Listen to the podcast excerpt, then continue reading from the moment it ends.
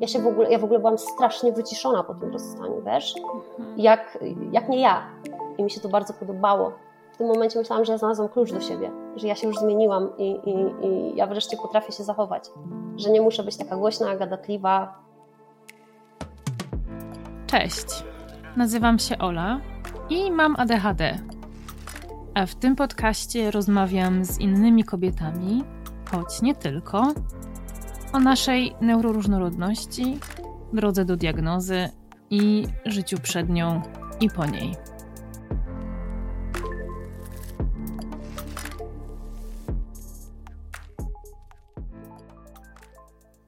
Rozmowa, której słuchacie, miała być założenie o czymś trochę innym.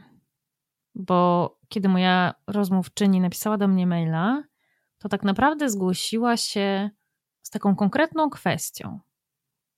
Kamila, którą za chwilę poznacie, napisała do mnie wiadomość o tym, że ma wrażenie, że dość często historie, które można usłyszeć w moim podcaście, to historie kobiet, które odniosły sukces, które coś w życiu osiągnęły. I ja spotkałam się z podobnymi zarzutami kilkukrotnie. Dlatego pomyślałam sobie, że to jest świetna okazja do tego, żeby Kamila do tej rozmowy zaprosić i ten temat poruszyć. I rzeczywiście na początku i na końcu trochę o tym rozmawiamy, tylko jak to zwykle bywa, ta rozmowa poniosła nas w trochę inną stronę i tematem przewodnim stało się nie to, że ADHD jest w podcastach takich jak, takich jak mój romantyzowane, czy że przedstawiany jest jego zakrzywiony obraz, ale relacje. Bo z Kamilą Twardowicz tak naprawdę większość naszego czasu rozmawiamy właśnie o tym. I to nie tylko o relacjach romantycznych, ale tak naprawdę o wszystkich relacjach, jakie w czasie naszego ADHD-owego życia budujemy. I o tym, jak to nasze ADHD na te relacje wpływa. No więc poruszamy kwestie takie jak relacja neurotypowego dziecka z matką, która nigdy nie dostała instrukcji obsługi do takiego dziecka.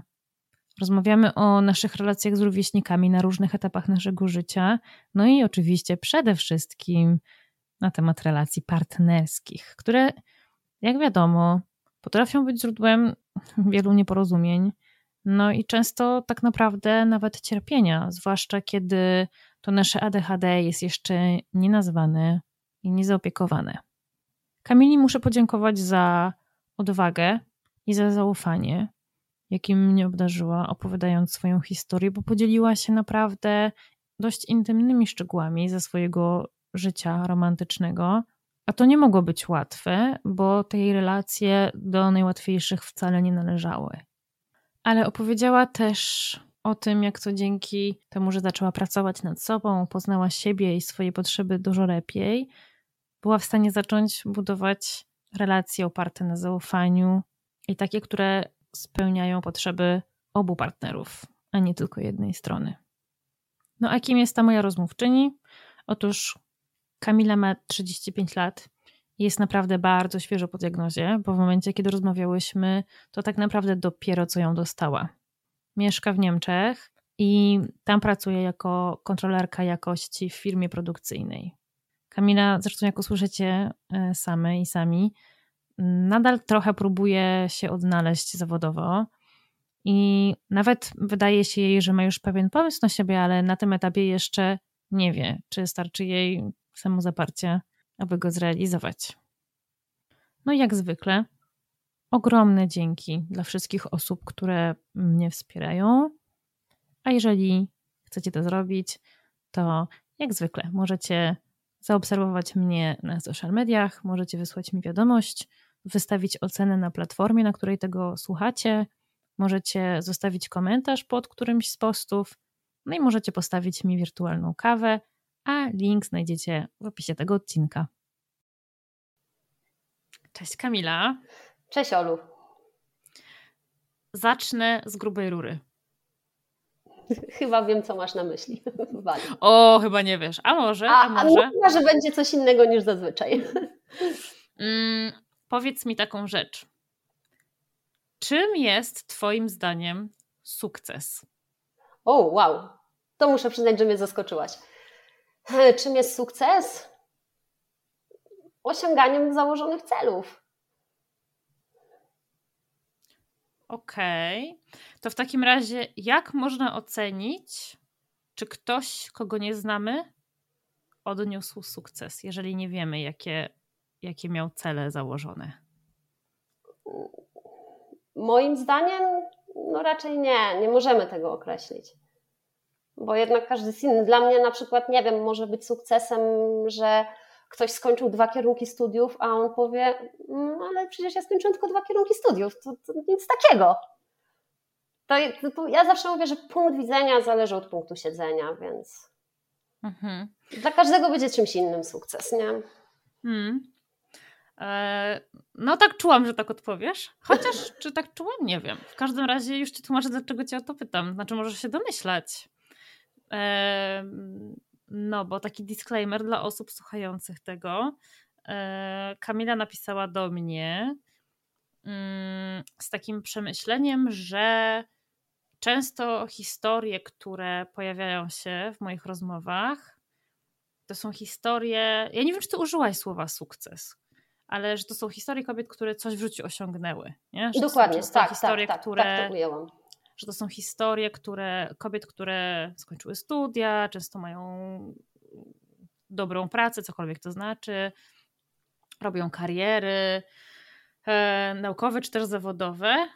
E, i, I ja powiem ci, że spotkałam się gdzieś na grupie naszej facebookowej z takim zarzutem, że podcast mój czy podcast Pauliny, Kobiety i ADHD, trochę romantyzuje ADHD i nie pokazuje tej, tej, tej drugiej strony, nie? Te, te, tej strony kobiet, które no nie radzą sobie tak dobrze. Więc dlatego tak trochę prowokacyjnie cię zapytałam o to, czym ten sukces jest, bo tak naprawdę to takie jest trochę chyba indywidualne, nie?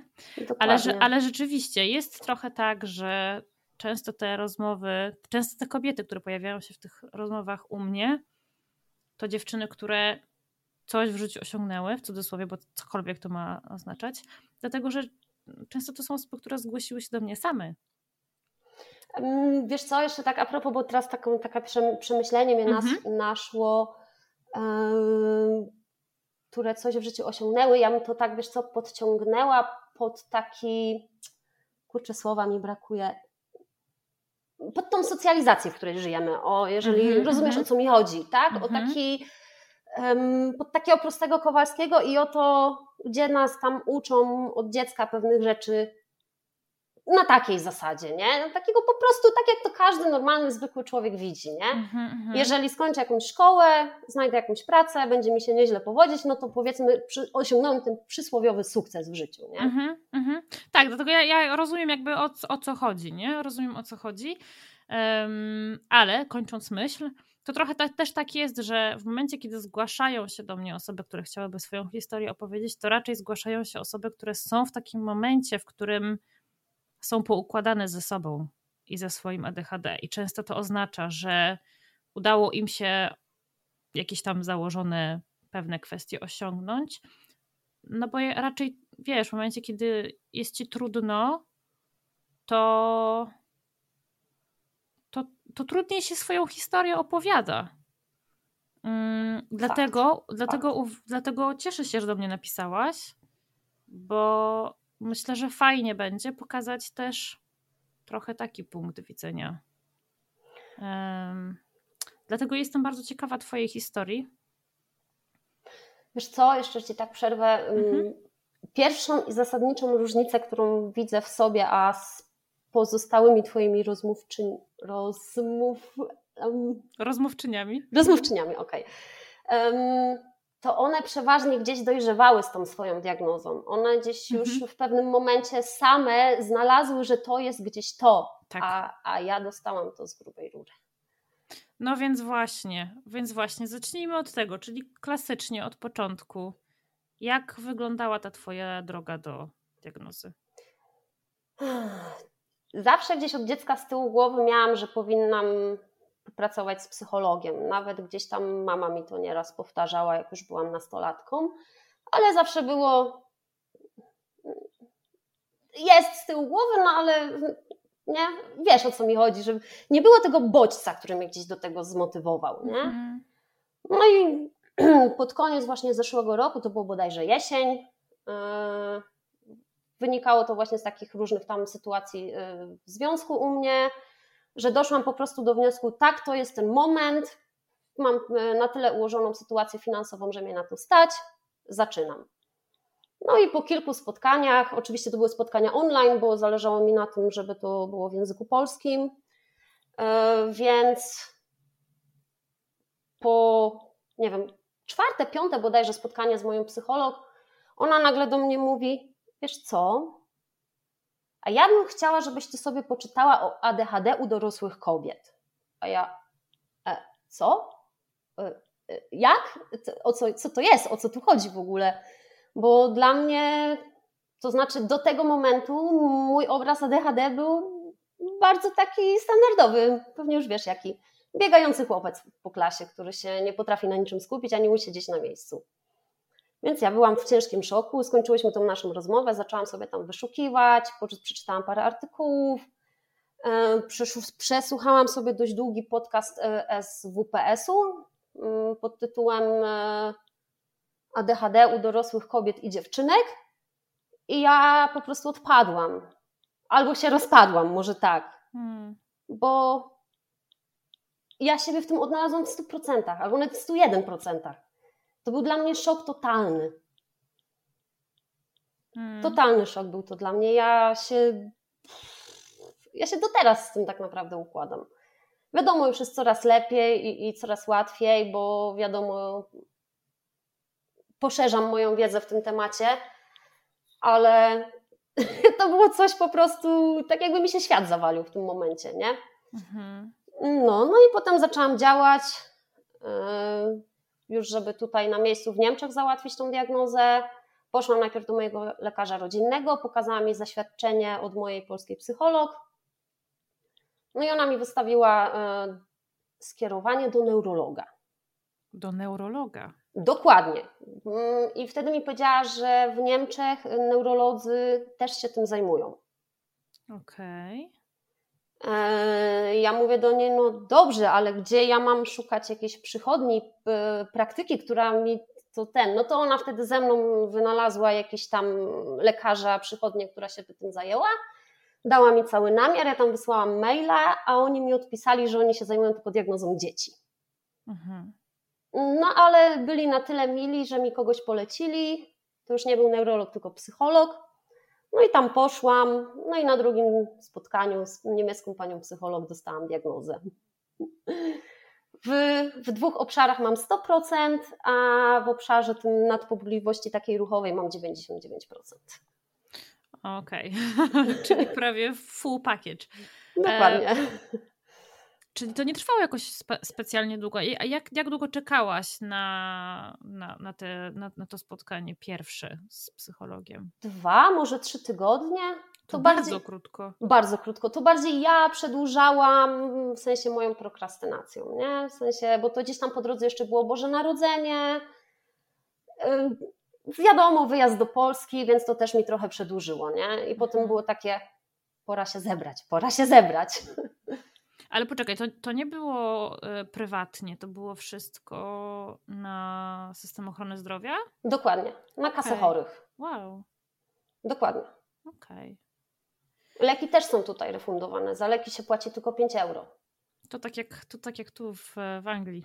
No, fajne to jest. Ja, to pojęcie bardzo mnie boli, że w Polsce jest taka sytuacja, jaka jest, nie? W tym temacie.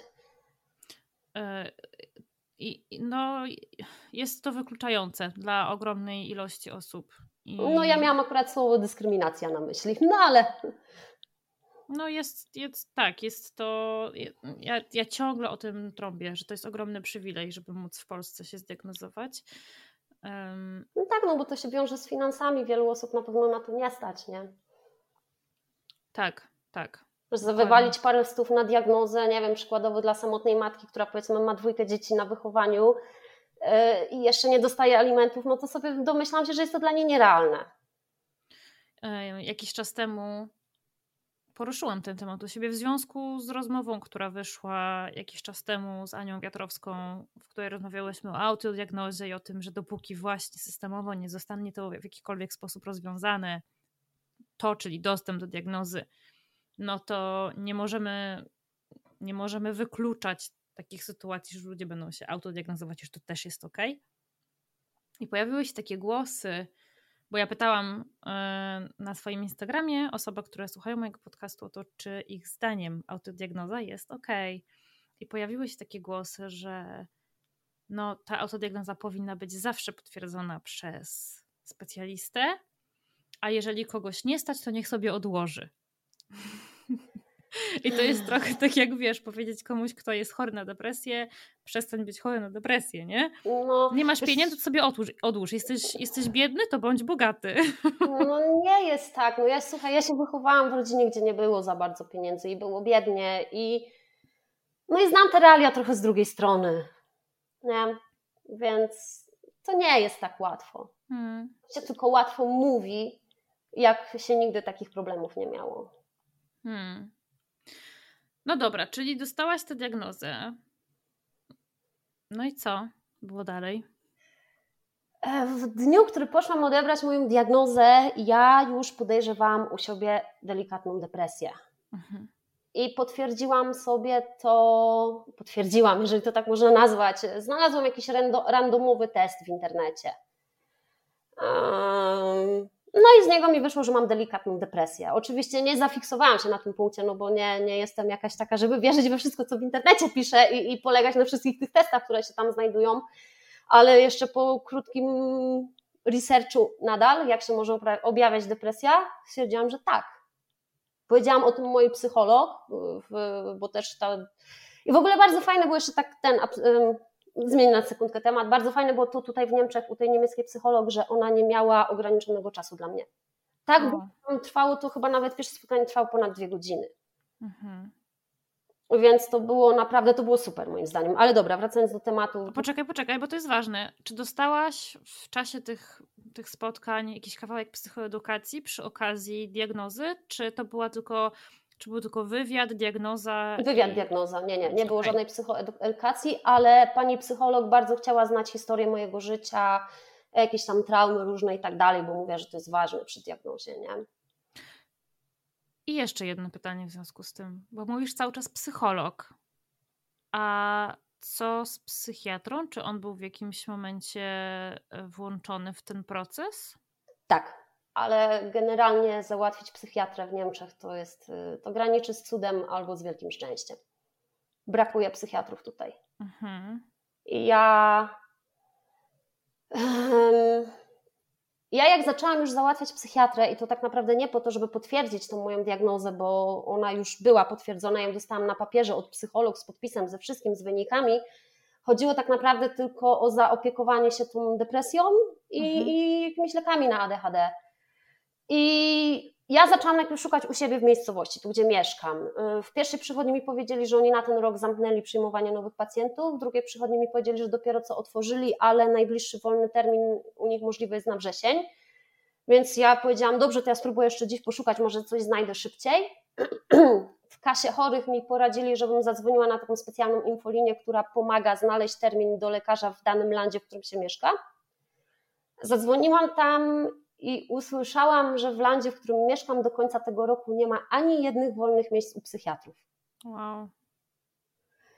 No i co zrobiłam? Wróciłam się do, tej, yy, do tego psychiatry, u którego mi powiedzieli, że właśnie otworzyli yy, listę na ten rok dla nowych pacjentów. I pani była przemiła, prze, przewyrozumiała w rejestracji i w ogóle z rozmowy wyszło, że ona też jest neuroatypowa. Mhm. nie, nie, nie wnikałam w szczegóły, w każdym bądź razie po prostu w pewnym momencie zaczęła do mnie mówić, my tak mamy, mhm. co było po prostu świetne dla mnie. I ona mówi, to ja wejdę do pana doktora i go zapytam, mówi, żeby chociaż szybko receptę wystawił. Mówi, proszę poczekać. Czekałam godzinę, może półtorej. Mhm. Wziął mnie pan psychiatra, zobaczył moje, moje wyniki, te z diagnozy za DHD powiedziałam mu, co się ze mną dzieje, że mam takie objawy depresyjne i dostałam mu Bupoprin, Boże kochany, zabij mnie, ale wymawianie leków nie jest moją mocną stroną. Bupropion? Dokładnie. To jest taki lek na y, depresję i on też tam ma niby pozytywne działanie przy ADHD, nie? Mhm.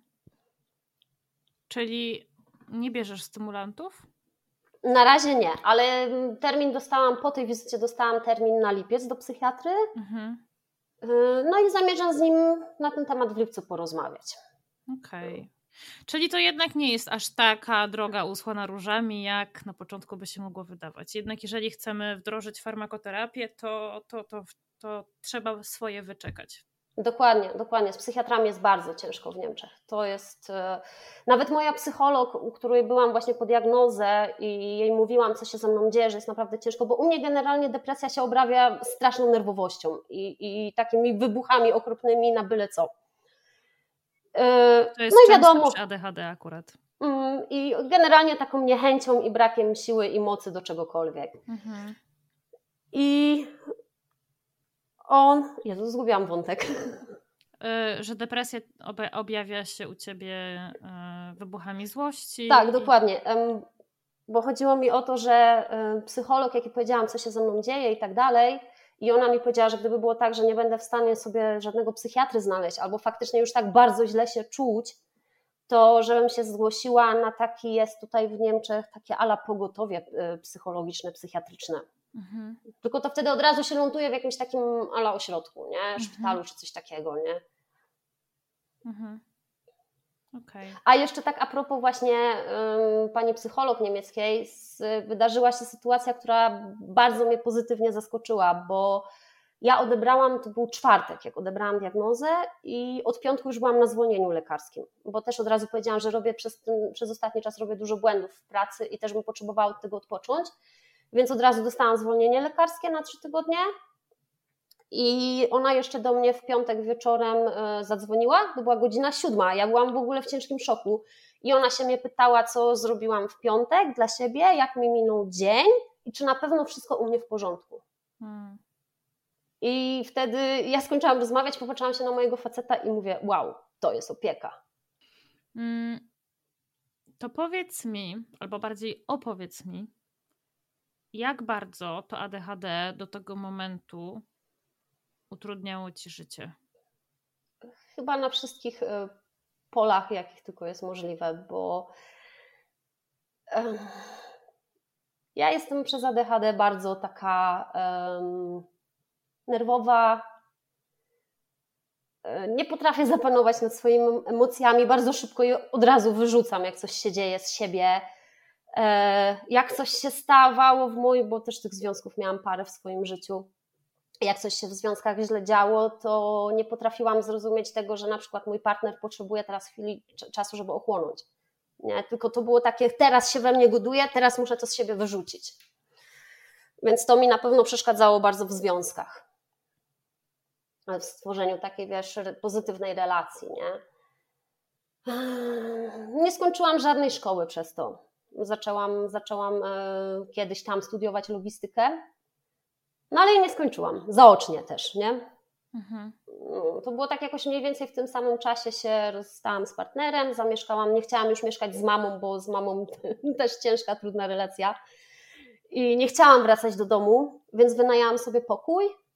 No i w międzyczasie studiowałam, pracowałam, no ale takie, takie fajne towarzystwo poznałam, że e, w pewnym momencie zamiast te zjazdy na weekend dla mnie było ciekawsze spotkać się z nimi, posiedzieć, a jak żeśmy się spotkali w piątek czy sobotę, no to siedzieliśmy, wiadomo, nieraz nawet do rana, więc nie byłam w stanie już pojechać na zjazd, nie? Na, na te wykłady czy ćwiczenia. Hmm. A jak było u Ciebie w takim razie w związku z tym na polu zawodowym przez te wszystkie lata? Ojejku. Dwa albo trzy razy straciłam pracę przez właśnie taki mój nieogar. Pierwsza praca, którą straciłam, to było, pracowałam w call center w dość znanej firmie windykacyjnej. Nie będę tutaj wymieniać nazw z wiadomych przyczyn. No i sobie nie poradziłam z tym. Nie, nie potrafiłam być na tyle yy, twarda w prowadzeniu tych negocjacji z tymi ludźmi, konsekwentna, o dokładnie, konsekwentna, że no, pracodawca nie był ze mnie zadowolony. Po prostu empatia mi się dużo częściej włączała niż konsekwencja. No i no, z drugiej strony praca też nie była miła i przyjemna, no bo jak się pewnie domyślasz, ludzie różnie reagują, jak dzwoni do nich po raz enty jakaś tam osoba i oddaj hajc. Nie?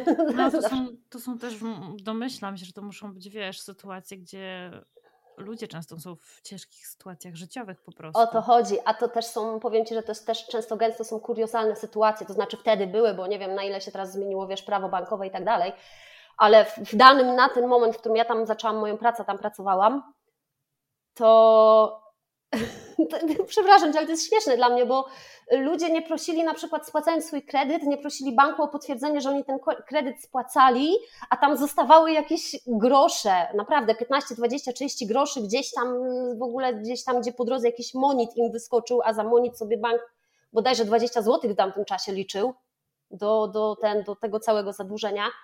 I powiedzmy, wiesz, tam zostało jakieś kilkanaście groszy i bank się gdzieś tam nie upominał, nie upominał, firmy windykacyjne generalnie działają tak, że one kupują od banków pakiety mhm. dłużników. To nie jest tak, że tam jest każda osoba z ten. Oni po prostu kupują pakiet. Tam jest e, tysiące tych ludzi. Mhm. I wiesz, i wtedy dochodzą e, te sprawy operacyjne związane z firmą windykacyjną i tak dalej, i tak dalej. I z tych 20 tam 13 groszy się robiło 15 złotych. Nie? I wtedy mm, my, pracownicy firmy windykacyjnej, dzwoniliśmy tam i, i ludzie, co, przecież ja tu spłaciłam, wiesz, i się, no to naprawdę, uwierz mi, było takich przeróżnych sytuacji głupich poprzez, nie wiem, dzwonię, to znaczy system zrzucił mi połączenie e, z jakąś kobietą, a ona mówi, ona zapłaci, e, żeby przyszedł do niej pracownik terenowy, ona zapłaci, żeby jeszcze jej papierosy przyniósł. tak, dokładnie, takie rzeczy się działy. Albo, a już nawet nie mówię, ile razy zostałam zwyzywana. Mm, to trudna praca, nie? To ja myślę, że takiej osobie neurotypowej byłoby trudno taką pracę wykonywać, a co dopiero, co dopiero nam. Powiem Ci, miałam koleżanki, jedna była w ogóle świetna koleżanka, ona była wiecznie uśmiechnięta, wiecznie hihi, haha, a była świetna w tym, co robiła. Mhm. Była niesamowita w tym po prostu. Miała naprawdę potrafiła tak rozmawiać z tymi ludźmi, że hej, nie? Ja, ja nie umiem rozmawiać z ludźmi. Ja byłam tam w ogóle z przypadku, ja tam poszłam, bo to akurat była w mojej okolicy pracodawca, który fajnie płacił i dawał dobre umowy. Mhm. Dlatego tam poszłam. Długo tam pracowałaś? Nie, okres próbny. Po okresie próbnym poleciałam. Mhm. I to była twoja taka pierwsza poważna praca? To było to już chyba było po, po moim powrocie ze Szkocji. Także to nie była moja pierwsza poważna praca. Nie. Ja w ogóle bardzo szybko zaczęłam sobie pracować, dorabiać gdzieś jakieś kelnerowanie, zbieranie owoców, jeszcze w szkole, w gimnazjum, także. No właśnie, bo zanim zaczęłyśmy nagrywać, to wspomniałaś o tym, że no teraz mieszkasz od 10 lat w Niemczech, ale wcześniej mieszkałaś jeszcze przez jakiś rok w Szkocji. Więc Dokładnie. to też jest takie typowe dla nas, nie? Takie trochę bujanie się po świecie i szukanie swojego miejsca. Ja myślę sobie, że zupełnie inaczej to wygląda w przypadku osób, które mają wyższe wykształcenie, które mają gdzieś tam ze sobą jakieś robienie kariery, o to chodzi. To jest zupełnie inaczej, jak jesteś takim um, skoczkiem albo mróweczką. No bo nie oszukujmy się, ludzie, którzy pracują w takich zwykłych pracach gdzieś na produkcji, no to są mróweczki, tak?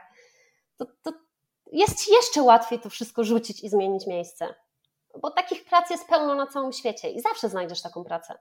Z jednej strony jest łatwiej y, rzucić, znaleźć, znowu rzucić, znowu znaleźć, a z drugiej strony no, nie ma tego poczucia stabilizacji, nie? Bo też trudniej jest znaleźć taką pracę, w której rzeczywiście jest nam dobrze, zarabiamy godne pieniądze i z której nas nie wyrzucą za chwilę, wiesz, z dnia na dzień.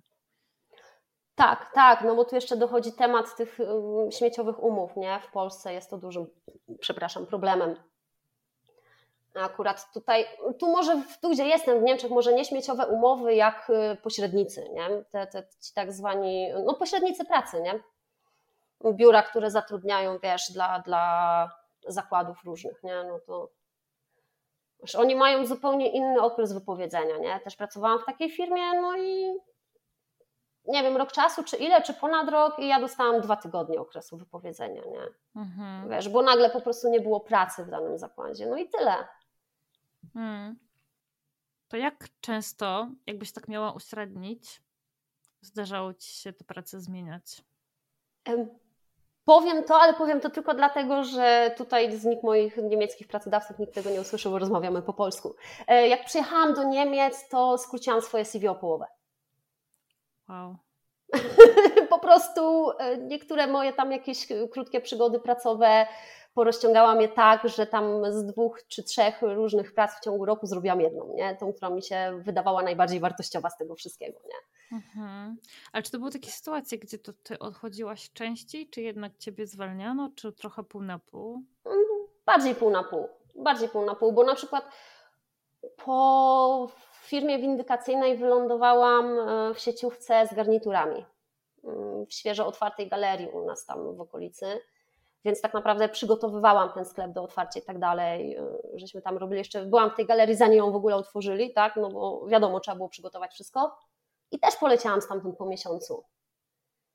I to było też moje podejście, ale ja się w ogóle z tymi dziewczynami tam nie dogadywałam. No byłyśmy dwa różne światy, ja miałam, w tamtym czasie miałam zupełnie co innego w głowie, nie? Hmm. Jakimi jeszcze innymi rzeczami się zajmowałaś w życiu w takim razie? No tak, no to pracowałam na produkcji, no to jest chyba oczywiste. E, jeździłam na wózkach widłowych, dużych, ośmiotonowych, które brały cztery palety na raz w, w browarze, to już było tutaj w Niemczech. E, w Szkocji też pracowałam na produkcji. Byłam sprzątaczką bardzo długo tutaj w Niemczech. To chyba było tak naprawdę najdłużej się tym w moim życiu zajmowałam, bo ojej, nie pamiętam teraz, czy 3,5 roku, czy 4, 3,5 roku to było coś, czym się zajmowałam najdłużej. Naj, najdłużej pracowałam w jednej firmie wtedy. Trzy i pół roku. Mhm. Ale sprzątanie jest trudne, to jest ciężka praca. Robiłam to trochę. Hmm, robiłam to trochę będąc, no tak powiedzmy, pomiędzy liceum a studiami. Nigdy nie o. robiłam tego jakoś strasznie długo, ale. Ale to w Polsce to robiłaś, tak? Mhm. Okej. Okay. Okay. Podejrzewam, że kultura pracy w tym temacie jest zupełnie inna w Polsce niż gdzieś za granicą. Czy się mylę? Nie robiłam tego nigdy za granicą, więc się nie powiem. Okej, okay. no okej, okay. dobra, dobra. No, w każdym razie wracając, ja z, pracowałam jako sprzątaczka prywatnie, mhm. ale też pracowałam jako sprzątaczka w dużej fabryce, y, gdzie robili mleko robili. Nalewali do kartonów. Poddawali, wiadomo, no, no, no, chyba każdy wie, odpowiednia obróbka wlewają do kartonu. Więc tam sprzątałam, sprzątałam biura, sprzątałam toalety e, różne, sprzątałam e, szatnie, schody, korytarze i no to była ciężka praca. Tam mi było ciężko, naprawdę. Tym bardziej, że nieraz musiałam stawać w środku nocy przepraszam, musiałam stawać w środku nocy, żeby na przykład, nie wiem, pojechać posprzątać kantynę. Kantyna była naprawdę ciężko, bo tam, nie, nie wiem, kiedyś chyba liczyłam te krzesła, ile ich tam było, z, chyba ponad 100. E, trzeba było je po prostu zakładać i ściągać. E, jeszcze oprócz tego nie mogłam umyć wszystkiego naraz, w sensie założyć na całej, całej stołówce krzeseł na stół musiałam to robić partiami, no bo wiadomo, w międzyczasie przychodzili ludzie, zrobić sobie przerwę. Więc to też było nieraz irytujące. Ludzie też bywali różni, bywali hamscy, specjalnie wchodzili na mokre, żeby mi narobić śladów. Byli tacy, co się pytali, czy mogą przejść, albo mówili, ojej, przepraszam, no ale no muszę przejść, tak? No ale wiadomo, moje podejście było zupełnie inne do tego kogoś, kto mnie przeprosił i mi narobił tych śladów, niż kto patrzył mi się w oczy i nic nie mówił i szedł i mi robił te ślady, tak? Hmm. To, jest, to jest też coś takiego, nie? że jest taka grupa ludzi, która ocenia innych na podstawie ich statusu społecznego, pracy, jaką wykonują, wykształcenia, jakie zdobyli i nie okazuje szacunku ludziom, którzy wydają im się mniej warci. Mm. I wiesz co, i w tym miejscu muszę pochylić głowę, bo sama kiedyś taka byłam. O, to ciekawe. I wiesz co, wydaje mi się, że to też wynika z tej jakiejś takiej naszej socjalizacji typu typu te gadanie takie, y, będziesz kopać rowy albo będziesz zamiatać ulicę, jak się mhm. nie będziesz uczyć. A myślę, że to z tego wynika w wielu przypadkach, nie? Wiadomo, życie mi to zweryfikowało, tak, no bo wiadomo, różne rzeczy robiłam, więc też zmieniłam podejście do tego, ale wydaje mi się, że to właśnie przez to tak, tak się dzieje, że tak wiele osób myśli. To prawda, ja na przykład y, ja nie zdałam matury z historii, powtarzałam e, maturę pisemną. Oh, wow. I w czasie tego roku, dlatego mówię, że zajmowałam się trochę sprzątaniem, robiłam różne rzeczy w, w czasie tego roku. byłam trochę sprzątaczką, a trochę dziennikarką, więc to w ogóle taki rozstrzał. Wow. Natomiast e, jedna z pierwszych rzeczy, którą usłyszałam od moich rodziców w momencie, kiedy dowiedziałam się, że ja tej matury nie zdałam, to było, że e, będę teraz właśnie mm, będę sprzątać, będę rowy kopać. E, mój tata chyba mówił coś w stylu, że będę pracować w barze i będą mnie faceci po tyłku klepać. Ojej! Autentycznie, autentycznie słyszałam takie teksty od mojego ojca, nie? Ojej, to mega słabe. E, ale wiesz, jakby, jakby coś było nie tak z ludźmi, którzy pracują w barach. Oczywiście jest coś nie tak z ludźmi, którzy klepią kobiety po tyłkach, więc jakby... No, no raczej, dokładnie. Jestem tego samego zdania, tak.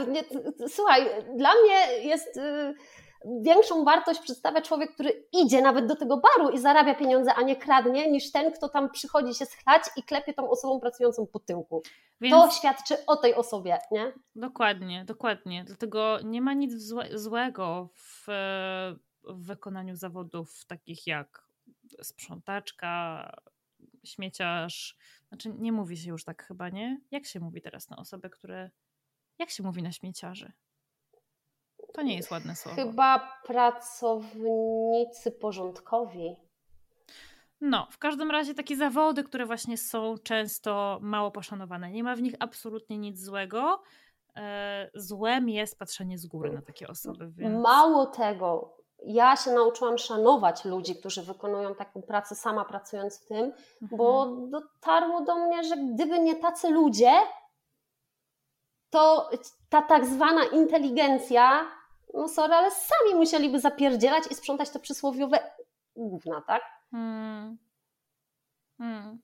Dlatego wiesz, wydaje mi się, że jeżeli nawet jeżeli kogoś stać na tyle, że mu przyszła ta sprzątaczka do domu i mu tam, nie wiem, raz w tygodniu ogarnęła tą chałupę, to myślę, że taką, takiej osobie się należy bardzo duży szacunek, że ona przychodzi i sprząta moje brudy. Tak, tak, dokładnie. I, ten, i Forsa nie jest tym szacunkiem, odzwierciedleniem tego szacunku. Nie. Forsa to jest tylko wynagrodzenie za wykonaną pracę. Dokładnie, bardzo, bardzo ważne słowa. A jak jest z tą pracą u Ciebie teraz? Teraz jestem kontrolerem jakości. To jest chyba najlepsza praca, jaką w życiu miałam. Bo. Mm, nie, mogę mówić, gdzie pracuję? Nie widzę problemu. E, pracuję w zakładzie produkcyjnym, który robi szyby do okien, mhm. tak zwane szyby izolowane. Nie produkujemy całych okien, tylko szyby izolowane i ja je po prostu kontroluję. E, praca jest fajna, ale jest nudna.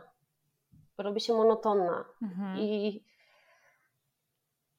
fajne jest w tej pracy to, że mam listę zadań na, na dany dzień i po prostu lecę po tej liście i ją wykonuję. To jest fajne. Myślę, że to jest dla osób z ADHD dobre takie coś akurat, że mają listę zadań, konkretnie wyznaczone zadania do zrobienia, nie? Jest struktura, wiadomo co tak, się robi. Mhm. Tak, ale bywają takie dni, że się nudzę w tej pracy. Nie? Bo ja zrobię na przykład swoją pracę w 4 godziny, yy, obejdę, bo mamy dwa zakłady, więc jeszcze muszę się poruszać samochodem między dwoma zakładami. Obskoczę te dwa zakłady, nie, przykładowo, wracam do biura, jest masakra. Nie? Co ja mam robić w tym biurze? Wklepię wszystko w komputer, nie? Wszystko mam już zrobione, wszystko jest, wiesz, obcykane. I co ja robię? Gapię się w telefon, a oprócz tego muszę uważać, żeby mnie ktoś z nim nie, nie zobaczył, żebym nie miała problemów. Więc to jest takie, nie?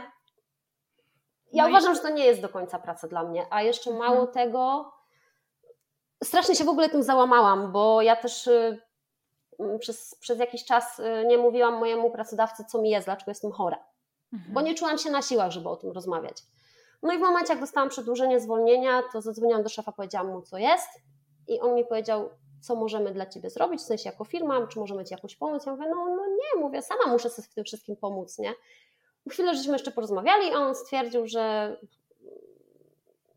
że jak będę za długo chora, w sensie nie powiedział tego dosłownie, ale na zasadzie, że jak będę za długo chora, to może te stanowisko już może go nie być, bo jest mało, przepraszam, mało ludzi na dziale, więc jak kogoś zatrudnią, to już tam nie, może nie być dla mnie miejsca. I ja się tym bardzo podłamałam, jak to usłyszałam, nie? Bo e, oni mnie nie mogą zwolnić na ten moment, bo ja jestem w Radzie Zakładowej i przez to mam ochronę na 5 lat. Mhm. Więc y, gdyby tam nie było już dla mnie miejsca na Wydziale Jakości, musiałabym wrócić na produkcję. A tu bym straciła nie dość, że pieniądze, no bo jednak mam trochę większe pieniądze, wywalczyłam przez to, że poszłam na tą jakość, bo to jest większa odpowiedzialność. W wielu sytuacjach muszę się podpisać własnym nazwiskiem. To jest zupełnie inna praca, więc powiedziałam, że nie, koniec, ja nie będę zapracować za tyle, co na produkcji. A druga rzecz jest taka, że u mnie w firmie produkcja, zmiana trwa 10 godzin. Ja nie jestem w stanie tego udźwignąć. Ja po trzech miesiącach pracowania cały czas po, po 10 godzin, jak sprzyjałam się do tego zakładu, ja byłam padnięta. Hmm. Eee, to jest w ogóle straszne, strasznie trudna sytuacja i tak sobie myślę, jak bardzo twój pracodawca na jednym wydechu tak naprawdę sobie zaprzeczył. Z jednej strony pytając się ciebie, czy czy mogą ci dać jakieś wsparcie, a z drugiej strony sugerując, że no to pochoruj sobie, ale tak nie za bardzo, bo jak będziesz za bardzo chorować, to my już cię nie chcemy wspierać i wtedy znajdziemy sobie kogoś, kto nie potrzebuje tego wsparcia. No dokładnie. Tak to dokładnie zabrzmiało.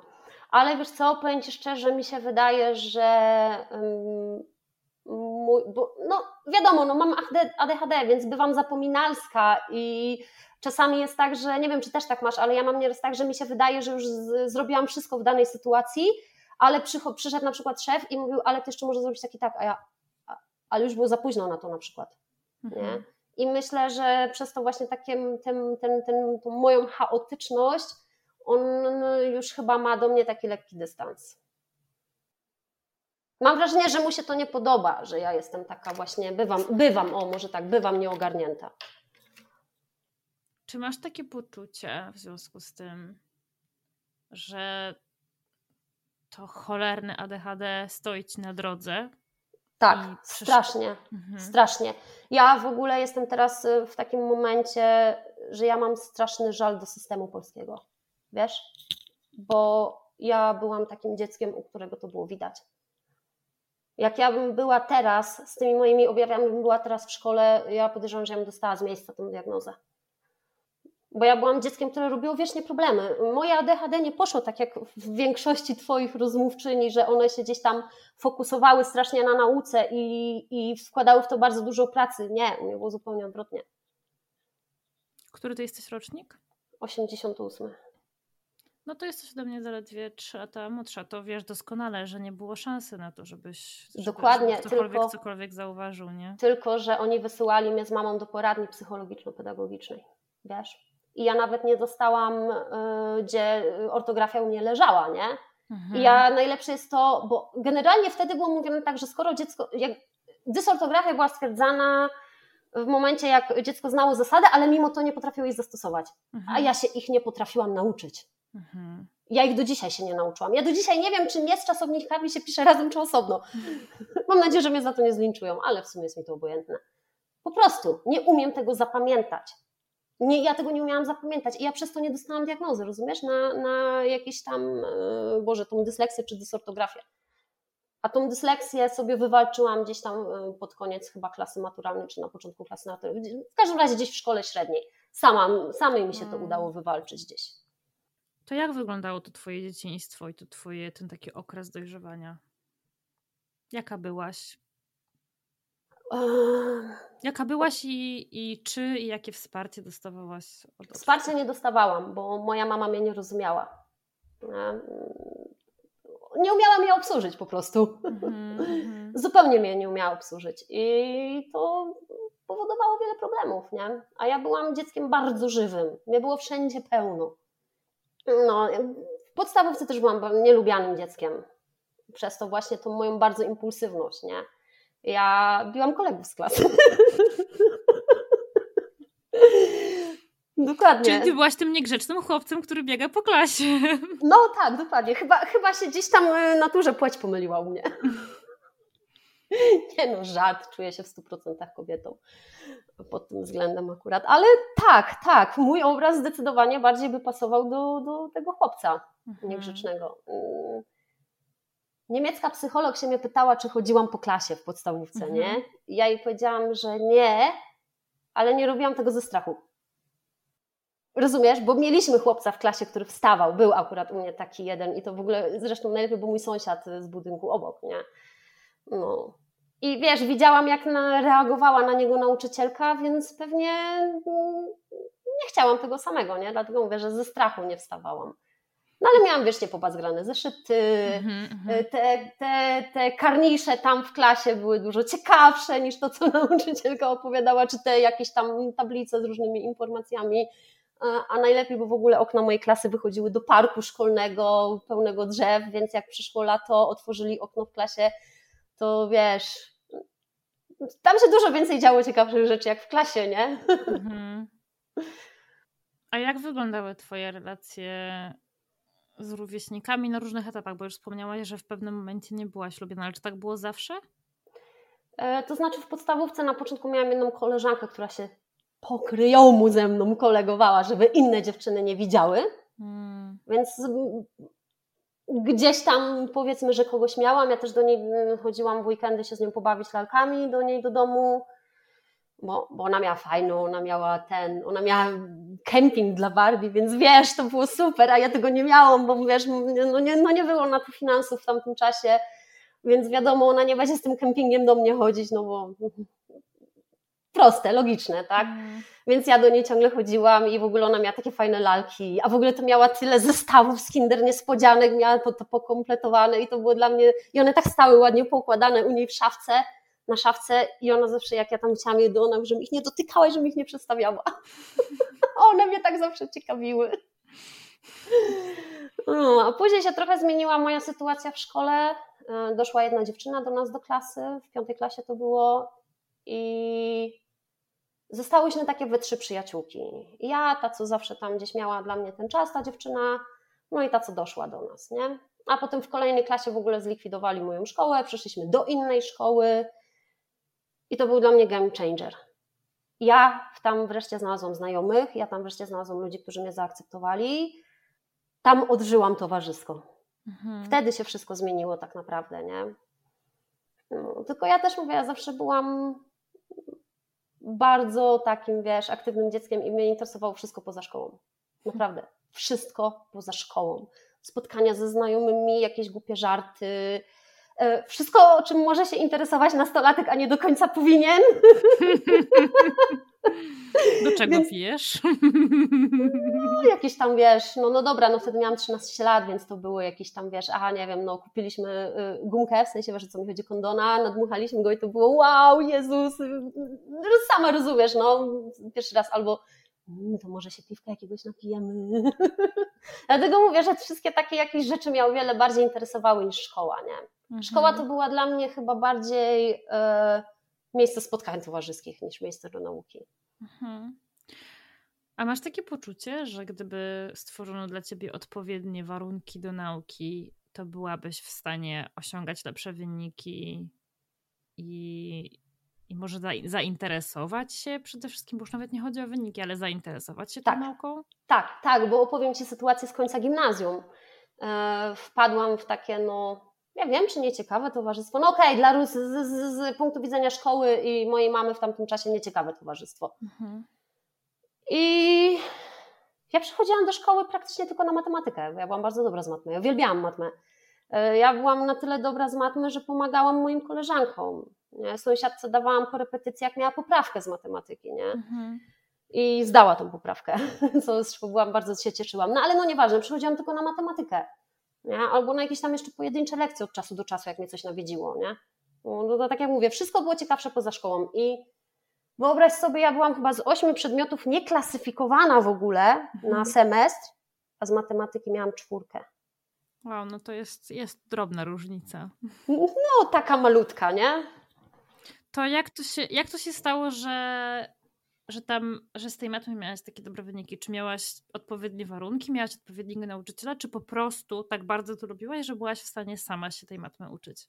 Matma mi sama wchodziła, ja się jej nigdy nie uczyłam. Mhm. Ona mi po prostu wchodziła. To było tak, e, nowy dział, e, definicja, ja już ją znałam. Ja już znałam wzór, ja już znam definicję, ja już wszystko wiedziałam. E, pamiętam w szóstej klasie to było wtedy właśnie, co to taką małą klasę nas zrobili. To moja, akurat wychowawczynią była moja nauczycielka od matematyki, naszą. To ona do mnie mówiła już w pewnym momencie: Kamila, ja wiem, ja wiem, że ty wiesz, ale daj szansę innym. wiesz, na takiej zasadzie, nie? Mhm. Mm. ja byłam dobra, ale jak wchodziła jakaś tam już, wiesz, geometria czy coś. A i w ogóle zadania pisemne, moja zmora najgorsza z matematyki. Na tym leżałam, nie? Ale już wiem, czem, teraz już wiem dlaczego, nie? No tak. No tak. A tak to ja mówię, ja matematykę połykałam. Połykałam. Ja nawet jak nie zrobiłam zadania z matematyki, to ja przed matematyką szłam do toalety. Y, ze mną większość dziewczyn z klasy. ja robiłam zadanie i oni wszyscy ode mnie spisywali. I co najlepiej, że ja to robiłam na szybko i tam rzadko jakiekolwiek były błędy, nie? Mhm. Bardziej takie, wiesz, wynikające z pośpiechu, nie? A nie z nieznajomości, wiesz, zasad. Masz dzisiaj jakiś żal do siebie, do. No, wspominałaś o tym, że masz żal do systemu, że nikt tego nie zauważył u ciebie, ale czy masz jakiś taki żal do kogoś o to, że ten twój potencjał nie został w żaden sposób wykorzystany? Mam żal. To znaczy. Tak, tak, to jest żal, bo powiem Ci szczerze, ja też jak już wcześniej wspomniałam, miałam też trudne relacje z mamą, bo mama mnie nie rozumiała. Mhm. Ale mama też nie miała łatwej sytuacji sama życiowej, bo ona była sama hmm. ze mną. Nie miała jakiejś super pracy, żeby Bóg wie ile zarabiać, więc naprawdę było ciężko. Po latach się dowiedziałam, że mm, bo mama mi płaciła za obiady w szkole, nie? Bo um, byliśmy w takiej głupiej sytuacji, że mamie tam brakowało groszy do tego, żeby dostać jakiś tam to chyba był fundusz alimentacyjny, alimenty z państwa.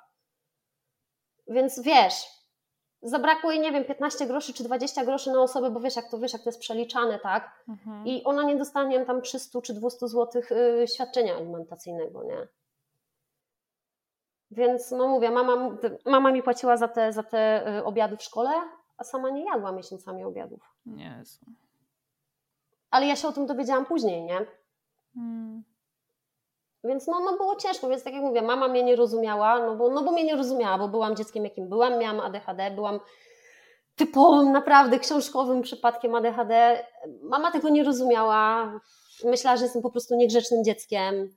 Wiesz, miałam ciągle powtarzane, że ty jakbyś się trochę przyłożyła do nauki, to byś miała super oceny. Nie? Albo jak się nie będziesz uczyć, to skończysz na ulicy, będziesz ulicę zamiatać, albo wylądujesz w rynsztoku. Wiesz, to mi nie pomagało, naprawdę. A oprócz tego, że mama była sama, musiała pracować, też nie miała za dużo tego czasu dla mnie. No tak, i to jest takie zamknięte koło. O to chodzi. O to chodzi. E, słuchaj, jeszcze właśnie a propos tego, bo um, Twój ostatni podcast rozmawiałaś z dziewczyną, która jest specjalistką, psychologiem nie? w tych sprawach, i ona powiedziała dla mnie bardzo ważną rzecz, i to zresztą nie usłyszałam ją pierwszy raz. Ona powiedziała, że um, rodzice dzieci z ADHD, nie tylko dzieci z ADHD powinny przechodzić psychoedukację, ale także rodzice dzieci z ADHD. Przede wszystkim najpierw rodzice. Tak. I jest jeszcze, nie wiem czy kojarzysz, jest na YouTubie taki kanał Psychiatra Plus bodajże. Mhm. To też jest właśnie psychiatra, on tam wiesz opowiada o różnych, nie tylko o ADHD, o różnych takich właśnie z tym związanych rzeczach. I on też powiedział właśnie, że jego zdaniem psychoedukacja rodziców z ADHD to jest podstawa wszystkiego. Nie? Także mhm. mówię, usłyszałam to już z dwóch niezależnych źródeł i to mi też dało do myślenia i pozwoliło mi też spojrzeć trochę inaczej na tą moją mamę, wiesz. Zaczynam ją po prostu rozumieć, nie? Było jej, na pewno jej było cholernie ciężko, zresztą do dzisiaj jest powtarzane w rodzinie, że ja dałam jej tak popalić, że o Jezus Maria, nie? Wiesz, to trochę jest też tak, że w momencie, kiedy włącza się taki typ walki o przetrwanie, no to raczej też nie ma przestrzeni na to, żeby zaopiekować się tą sferą emocjonalną i tym, co się tam dalej dzieje. Nie? Jeżeli, o to chodzi. I to... jeżeli twoim priorytetem numer jeden jest zapewnienie tego, żeby twoje dziecko miało, mogło zjeść ciepły obiad w ciągu dnia, to ty nie myślisz Dokładnie. o tym, czy to dziecko jest zaopiekowane emocjonalnie. O to chodzi. O to chodzi. Ja nie byłam nigdy uczona przeżywania emocji, nie? Było tak, przewróciłaś się, co wyjesz? Przecież nic się nie stało, nie? Nikt mnie nie uczył tego, wiesz, ja się tego, wiesz, sama nauczyłam gdzieś tam szukając różnych informacji, nie? Że z dzieckiem się powinno rozmawiać, nie? Dziecko powinno dostać informację, masz prawo płakać, przewróciłeś, boli się, boli cię, nie? Hmm. A u mnie było na zasadzie, wiesz, co wyjesz, po co się drzesz, nie? Przecież nic się nie stało. A jeszcze wiadomo, dziecko z ADHD przeżywa wszystko o wiele bardziej, te emocje o wiele, są o wiele bardziej, wiesz, silniejsze. No, I też częściej się przewraca.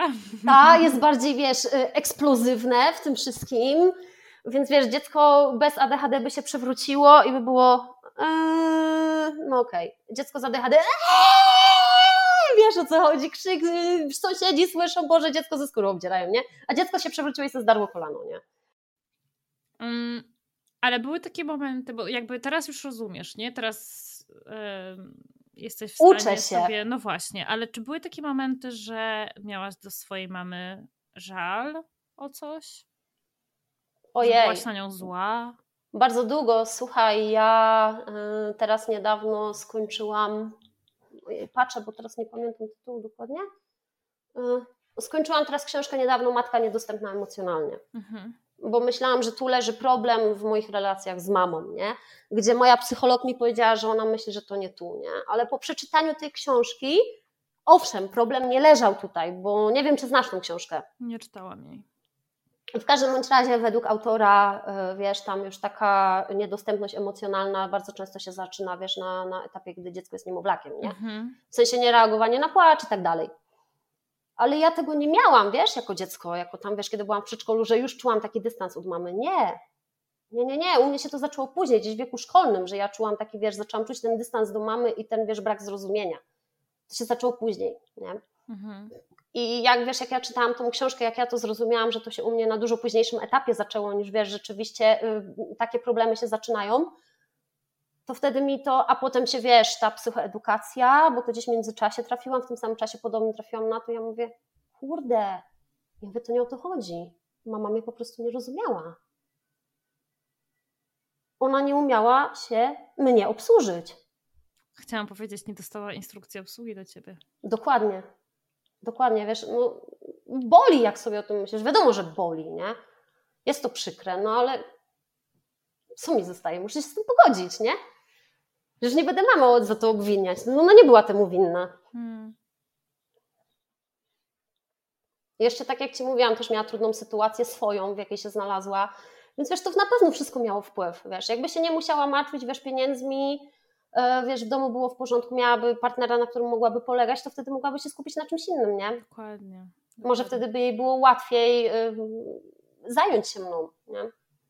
No tu wiesz, e, debet na koncie z jednej strony, z drugiej dostajesz milion telefonów ze szkoły, że twoje dziecko się nie potrafi dostosować.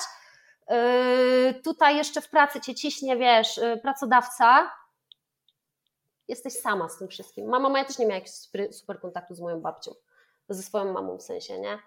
Też, też babcia nie była jakaś mega wspierająca, nie? Więc wiesz, no odbijało się to wszystko po prostu, nie? Hmm.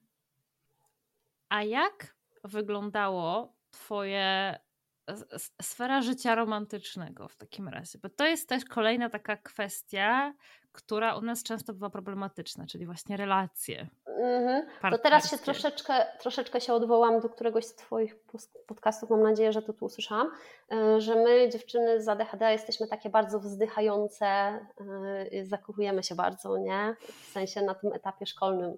Więc i to tak, dokładnie, tak, już mi się dobrze skojarzyło. Tak, tak, była jedna gościni u Ciebie, która też mówiła, że ona miała te swoje takie hiperfokusy na tych swoich... Yy, na miłości. Na miłościach, dokładnie, nie? I więc u mnie to było bardzo podobnie. U mnie było bardzo podobnie. Ja, ja może nie aż tak się zafok nie zafokusowywałam się aż tak bardzo jak ona, i u mnie też się oni bardzo często zmieniali. nie było to tak długo jak, jak y, u tej twojej innej gościni. I ja też bardzo szybko zaczęłam tworzyć relacje z, z chłopakami, nie?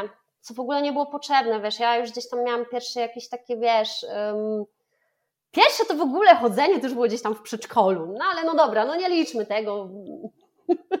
ale takie już bardziej poważniejsze relacje romantyczne to ja mam około 13-14 lat. Więc wydaje mi się, że szybko. To dość. dosyć szybko. Mhm. Wydaje mi się, że szybko, a w taką naprawdę już bardzo poważną relację weszłam w wieku około 15 lat. W sensie bardzo poważną, nie?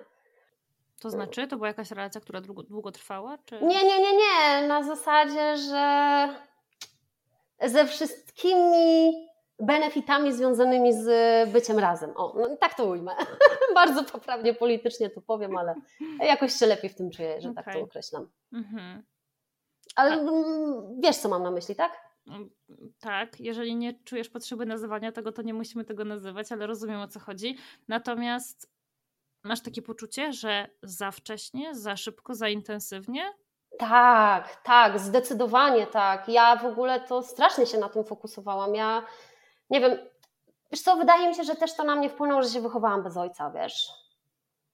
Że ja tak szukałam. Ja w ogóle byłam bardzo do mężczyzn jako dziewczynka. Bardzo.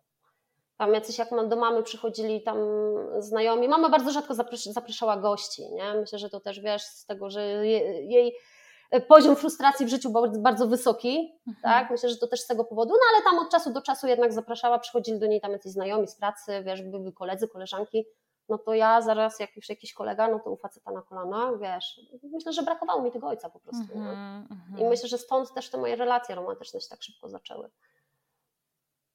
Jak było później? Czy czujesz, że te twoje relacje były jakieś takie szybkie, intensywne, niestabilne? Widziałaś jakąś taką powtarzalność właśnie? Też, ale ja się też pakowałam w toksyczne związki. Mhm. W toksyczne związki się pakowałam i no jeden się dla mnie bardzo źle skończył. Chcesz o tym opowiedzieć? Tak, tak, możemy o tym porozmawiać, bo to był dla mnie też bardzo duży przełom w życiu, ten mhm. związek. To było tak. Um, to w ogóle był chłopak, który był z tej samej miejscowości co ja, bo to już było jak byłam tu w Niemczech. To było po mhm. rozwodzie. Właśnie, a jeszcze jedno, jestem po rozwodzie. ale to akurat nie było z mojej winy, więc. No, w każdym bądź razie po, po rozwodzie e, byłam bardzo załamana, bardzo to ciężko przeszłam.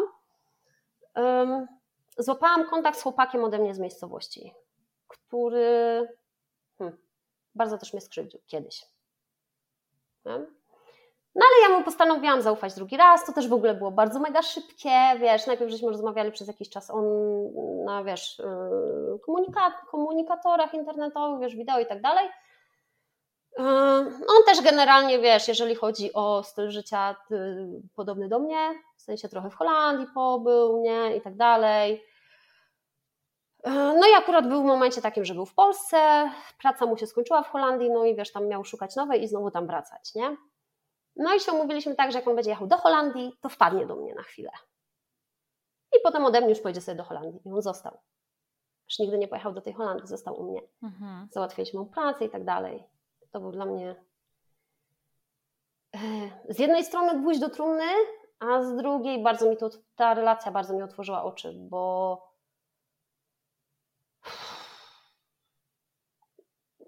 nie jestem psychologiem, nie jestem psychiatrą. Psychologia to jest jedna z dziedzin, którą uwielbiam, bardzo się nią interesuję, więc nie mogę stawiać nikomu żadnych diagnoz. Nie powinnam, nie, nie, nie, nie jest to, wiesz. Ale uważam, że ten chłopak miał zaburzenie narcystyczne. Mhm.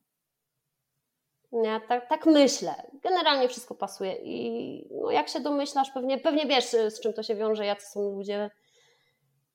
No nie było to dla mnie łatwe. Uwierz mi, on, on... Nie wiem, czy znasz pojęcie gaslightingu. Oczywiście, że tak. Więc wiesz, że to jest na takiej zasadzie, że ktoś ci patrzy w oczy, patrzysz się na rzecz białą, a on ci patrzy w oczy i stoi z tobą kotyż i mówi, nie, to jest czarne jak ty możesz tego nie widzieć? Hmm. Nie? I już ja to wszystko przeżyłam, nie? I ja się pół roku zbierałam, żeby to, tego człowieka wyrzucić z mojego domu, bo ja nigdy w życiu nie miałam tyle problemów, co przy nim. Ja się i zadłużyłam się przy nim i o Jezus Maria, jakieś miałam dziwne akcje z policją. No, a jak już mi się wreszcie udało go pozmyć, oczywiście go okłamałam, no bo ja się go strasznie bałam, nie? Bo on i, i z rękami do mnie, i mnie dusił, i napluł mi w twarz. Także, co, co było dla mnie najgorsze, to było dla mnie najgorsze z tego wszystkiego. Nie? E, w pewnym momencie też nie wytrzymałam i po prostu już, wiesz, z tej bezsilności złapałam nóż i mówię, odejdź ode mnie, bo ci zrobię krzywdę. Wiesz, jak on to przekręcił? Ja na niego, jestem psychiczna, bo ja na niego wyskoczyłam z nożem, nie? Hmm. No, no w każdym bądź razie, wiesz, po tych wszystkich ekscesach też wyjechałam z nim na jakiś czas do Holandii, pracowałam z nim przez jakiś czas w Holandii.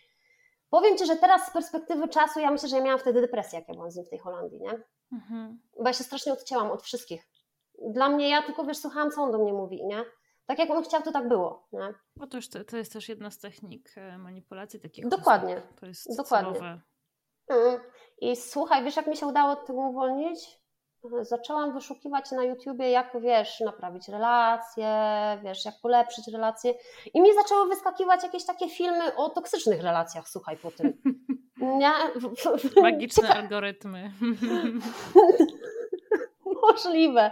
W każdym bądź razie, wiesz, ja zaczęłam oglądać te filmiki i mówię, Jezus Maria, Jezus Maria, Jezus Maria, o Boże, nie? No i to wiesz, tak trwało, trwało, wiesz, ja próbowałam, walczyłam, on gdzieś tam, wiesz, były awantury, potem było to jego bombardowanie miłością, wiesz, wtedy mi tam na jakiś czas zamydlił oczy, ale powiem Ci, moim całym szczęściem w tej sytuacji było to, że on pierwszą awanturę zrobił tak bardzo szybko, że nie pozwolił się moim uczuciom rozbujać na tyle, że ja się naprawdę zakochała. Mhm. Wiesz? I to mnie chyba uratowało to mnie chyba uratowało i mówię Ci, ja się pół roku zbierałam, żeby to zakończyć. On już w pewnym momencie zaczął czuć, że ja się od niego odsuwam, więc znowu zaczął być taki kochany, wspaniały, wiesz, do rany przyłóż, pomocny i tak dalej. Ale ja już nie mogłam. Nie mogłam się już przełamać, nie? Więc y, on tu ma też rodzinę y, w Niemczech. I wiesz, ja mu powiedziałam, ok, ale na razie musimy, wiesz, się rozstać, ale nie mówię, że się nie zejdziemy. I on wiesz, się strasznie złapał tego. On myślał, że my się naprawdę zejdziemy znowu, nie? Ale ja mu to powiedziałam tylko po to, żeby bez awantur, bez kłótni, bez wiesz, zdemolowania połowy mieszkania, pozbyła się go z domu. Mhm. Tylko dlatego to zrobiłam. I nawet byłam w stanie mu oddać y, konsolę, którą kupiłam za własne pieniądze. Żeby tylko się go pozbyć. Mhm. Zostałam z długami, z różnymi dziwnymi historiami, no ale no, no nieważne, poradziłam sobie z tym, wiesz, to, to nie było w tym momencie najważniejsze, nie? Pozbyłam się go, zablokowałam go wszędzie, pousuwałam całą jego rodzinę, znajomych, wszystkich pousuwałam, wiesz, na Facebooku, Instagramie, odcięłam się totalnie. Totalnie. On, zablokowałam jego numer telefonu kompletnie, żeby tylko do mnie nie pisał, nie? On oczywiście szukał ze mną kontaktu, on, on założył sobie jakieś fejkowe konto na Facebooku, które nazwał Karol Wojtyła, Boże kochany, nie mogę, nie wierzę w to, że on to tak zrobił, ale dobra, no nieważne. Założył fejkowe konto, napisał do mnie z tego konta, wiesz, prosił, błagał, wysłał mi maile. E, raz nawet jak pojechał do Polski, nie wiem, czy od kogoś wziął telefon, czy kupił specjalnie tą kartę, zadzwonił do mnie w ogóle z jakiegoś numeru, wiesz, ja odbieram i słyszę, wiesz, jego głos i tylko Kamila, tylko się nie rozłączaj. No ja się oczywiście od razu rozłączyłam, nie? I od razu ten numer zablokowałam, żeby tylko do mnie nie dzwonił, nie? No i to był taki moment dla mnie przełomowy, że, że ja zaczęłam dostrzegać wiele rzeczy w sobie, wiesz, które mi, mi sprawiają problem. Ja, ja mam jeszcze takie coś, pojęcie, że próbuję, e, też były te, te tematy u Ciebie w podcaście, że próbuję gdzieś rozdzielić siebie od ADHD. Mhm. Nie wiem, czy, czy dobrze robię, czy jest mi to potrzebne, nie wiem, może mi jest to potrzebne, ale ja mam też wiele takich różnych rzeczy w sobie, w sensie chyba cech, które mi w życiu nie pomagają. I cały czas myślę, czy to jest ADHD, czy ja naprawdę taka jestem. A co, co ci to daje do rozdzielania tego? Co mi to daje? Jeżeli stwierdzę, że coś jest ADHD, to wtedy sobie po prostu zdaję się bardziej wyrozumiała dla siebie pod tym względem, mhm. bo tego też się uczę. A jeżeli to nie jest ADHD, to wtedy aha, tu jest pole do pracy nad tym muszę jeszcze popracować. Nie? Mhm. No, bo ja jestem, nie wiem, czy to też wynika z ADHD, ja jestem osobą czepliwą. Czepiam się od drobiazgi. Naprawdę od drobiazgi. Siebie nie? czy to... innych? No właśnie innych. I to nie takich innych, y, dalszych innych, w sensie znajomych, tylko tych najbliższych. Hmm. Bo przy nich się czuję najbardziej sobą, wiesz o co chodzi? Tam mogę być, wiesz, ja, ja, w stu procentach, nie? I wiesz, i o jakieś pierdoły się czepiam, nie? które tak naprawdę są do niczego nikomu niepotrzebne. Nie? Przecież, powiem Ci tak, jak, y, jak się rozstałam z tym, z tym y, trudnym człowiekiem, że tak to ujmę, to napisałam sobie też, ja wtedy strasznie zaczęłam taką, um, Boże, słowa mi brakuje, jak to się tak, tak ładnie się to nazywa, taką pracę sama ze sobą, wiesz, dużo się posiłkowałam różnymi, wiesz, YouTubami i tak dalej, no bo jest, no nie oszukujmy się, jest przemnóstwo tych materiałów w dzisiejszych czasach. Wiesz, próbowałam jakieś poradniki czytać, ja się w ogóle, ja w ogóle byłam strasznie wyciszona po tym rozstaniu, wiesz, mhm. jak, jak nie ja. I mi się to bardzo podobało. Wiesz, ja myślałam, że ja w tym momencie myślałam, że ja znalazłam klucz do siebie, że ja się już zmieniłam i, i, i ja wreszcie potrafię się zachować. Wiesz, że nie muszę być taka głośna, gadatliwa. Tak mi się wtedy wydawało. I w momencie, jak ja zauważyłam, że jestem taka, że się czepiam, to ja sobie napisałam taką dużą kartkę, bo wtedy akurat mieszkałam sama, napisałam sobie taką dużą kartkę i napisałam sobie na niej pozwól, yy, pozwól innym żyć po swojemu, czy daj żyć innym, coś w tym stylu, nie pamiętam teraz dokładnie. I sobie ją powiesiłam w salonie pod zegarkiem, w miejscu, gdzie ją cały czas widziałam. Mhm. Wiesz? I no, ale powiem Ci, że teraz właśnie ostatnio, jak to z tym ADHD wszystko wyszło, to wtedy zrozumiałam, że to po prostu było takie. Hmm. Nie wiem, jak to powiedzieć. Traumatyczne przeżycia sprawiły, że gdzieś, gdzieś ja się bardzo uspokoiłam i Ci, trwało to długo. Bardzo długo to trwało. Ja później zaczęłam chodzić na siłownię. Yy, do, tak naprawdę do samego tego całego lockdownu chodziłam na siłownię. Nie? To korona mi to wszystko popsuła. No ale mniejsza o to. W każdym razie siłownia teraz to widzę. Z perspektywy czasu siłownia mi bardzo pomagała? Opanować te moje objawy ADHD, nie? Tylko, że ja wtedy nie wiedziałam o tym.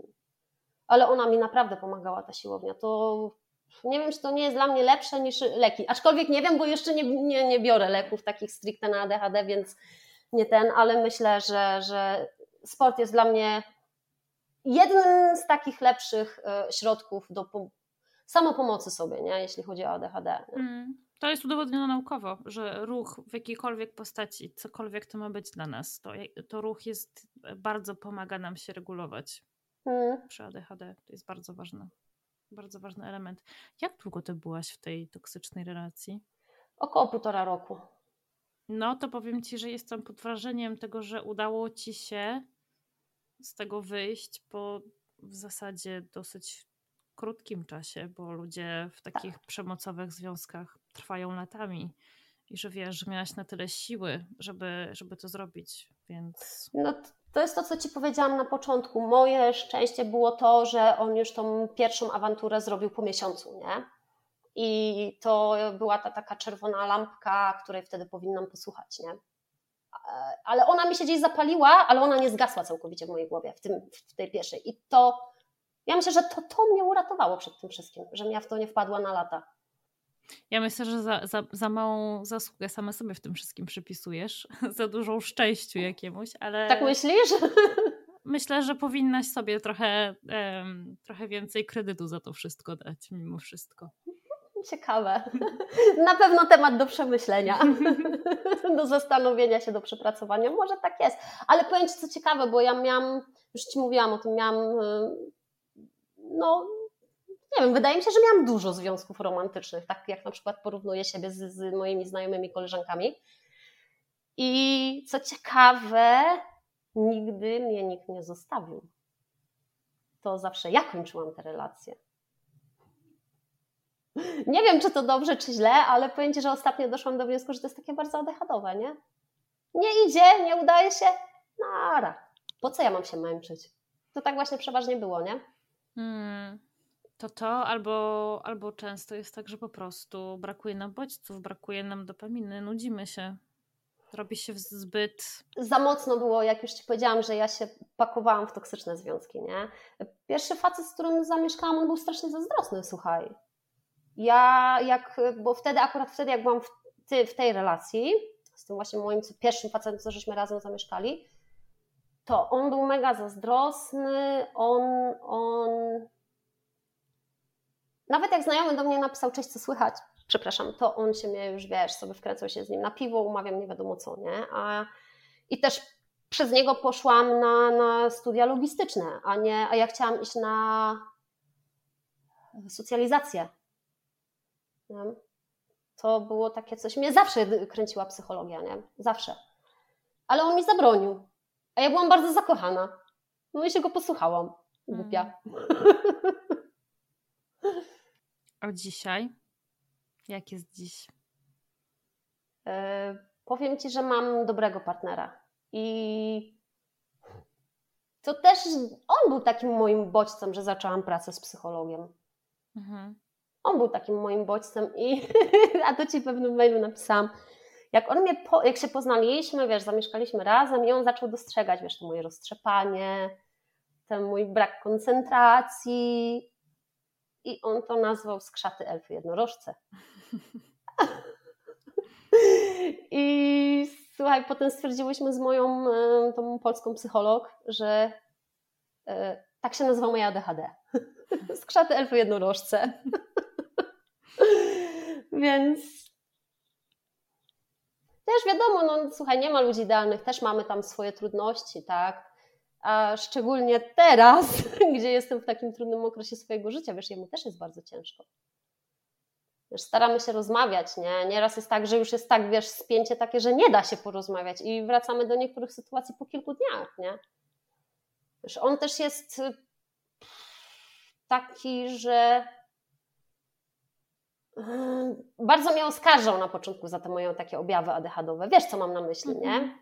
I ja jak się dowiedziałam, że mam ADHD i zaczęłam, wiesz, dostrzegać te objawy, w sensie pokazywać mu je, to on się nieraz na mnie denerwował, nie?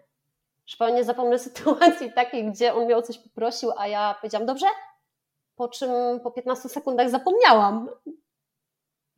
I on do mnie, wiesz, taki wściek mówi, no ale jak mogłaś zapomnieć? Przecież to było 3 sekundy temu. Ja mówię, no dobrze, no ale ja mam ADHD. No i co, i teraz masz wytłumaczenie na wszystko, że masz ADHD?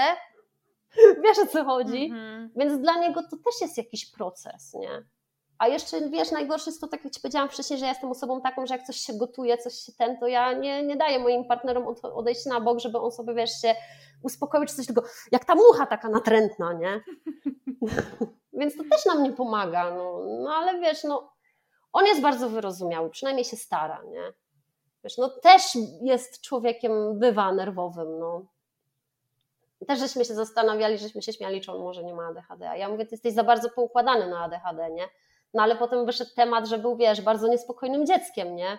I stwierdziliśmy, że może ty sam swoje te ADHD tak połapałeś, że jesteś w stanie nim żyć, z nim żyć, nie? Ale ostatnio, słuchaj, poszedł do fryzjera dzień wcześniej, nie? Niż miał termin. Takie jest typowe, nie? I zdarzają mu się takie rzeczy od czasu do czasu. No, więc no to jest takie nasze klasyczne. Wie. To kwestia tego, jak często mu się to zdarza, nie? O, tam dwa, trzy miesiące, nie? Wiesz, on, on, jest, on się stara, nie wiem, czy on się stara, czy jest tak naprawdę, być bardzo poukładanym człowiekiem, nie? U niego wszystko musi mieć swoje miejsce, on y, lubi porządek. Słuchaj, jak ja go poznałam, on mieszkał sam, nie? Kawaler. Ja do niego przychodzę i mówię, ty masz sprzątaczkę? Nie. Mówi, ja sam sprzątam w mieszkaniu. Ja lubię porządek. Rozumiesz? Gdzie to raczej rzadko się zdarza, że przychodzisz do faceta, który sam mieszka, nie? I tam jest naprawdę porządek, nie? Wiesz, ja już przychodziłam do takich znajomych, którzy sami mieszkali, w sensie faceci i ja musiałam najpierw, wiesz, stertę rzeczy z kanapy ściągnąć, żeby sobie usiąść w ogóle, nie? Wiesz, a tu nagle wchodzę do kogoś, gdzie jest, no kurczę, ani nie ma kurzu, wiesz co, jest podłoga czysta, wiesz, wszystko ładnie poukładane, stoją nawet jakieś tam, wiesz, kwiatki, jakieś tam, wiesz, delikatne ozdoby. Słuchaj, mój facet ma mm, lepsze poczucie takiego, wiesz, takiej stylistyki, takiego, nie wiem jak to nazwać, słowa mi brakuje. Estetyki? Estetyki, dokładnie, idealnie. Ma dużo lepsze poczucie estetyki niż ja. Więc Wiesz, moje poczucie estetyki to jest, wiesz, wszystko na wierzchu i, i w zasięgu ręki, żebym tylko nie zapomniała. To jest moje poczucie estetyki.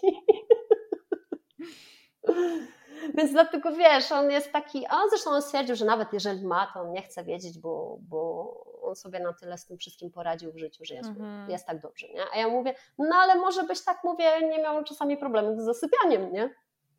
No, mówi, dobra, pomyślę sobie, jakoś zasnę. Więc wiesz, no, no jak nie chcę, to nie chcę, no nie będę mu suszyć głowy, nie? Dokładnie, to jest, wiesz, dokładnie. to jest jego sprawa. Hmm. A jaki ty masz dzisiaj stosunek do tego swojego ADHD? Poukładałaś się z nim? Układasz się? Układam lubisz się, nie lubisz? Hmm. Czy się lubię? dobre pytanie, wiesz, nie myślałam o tym, ale zaczynam je akceptować na pewno.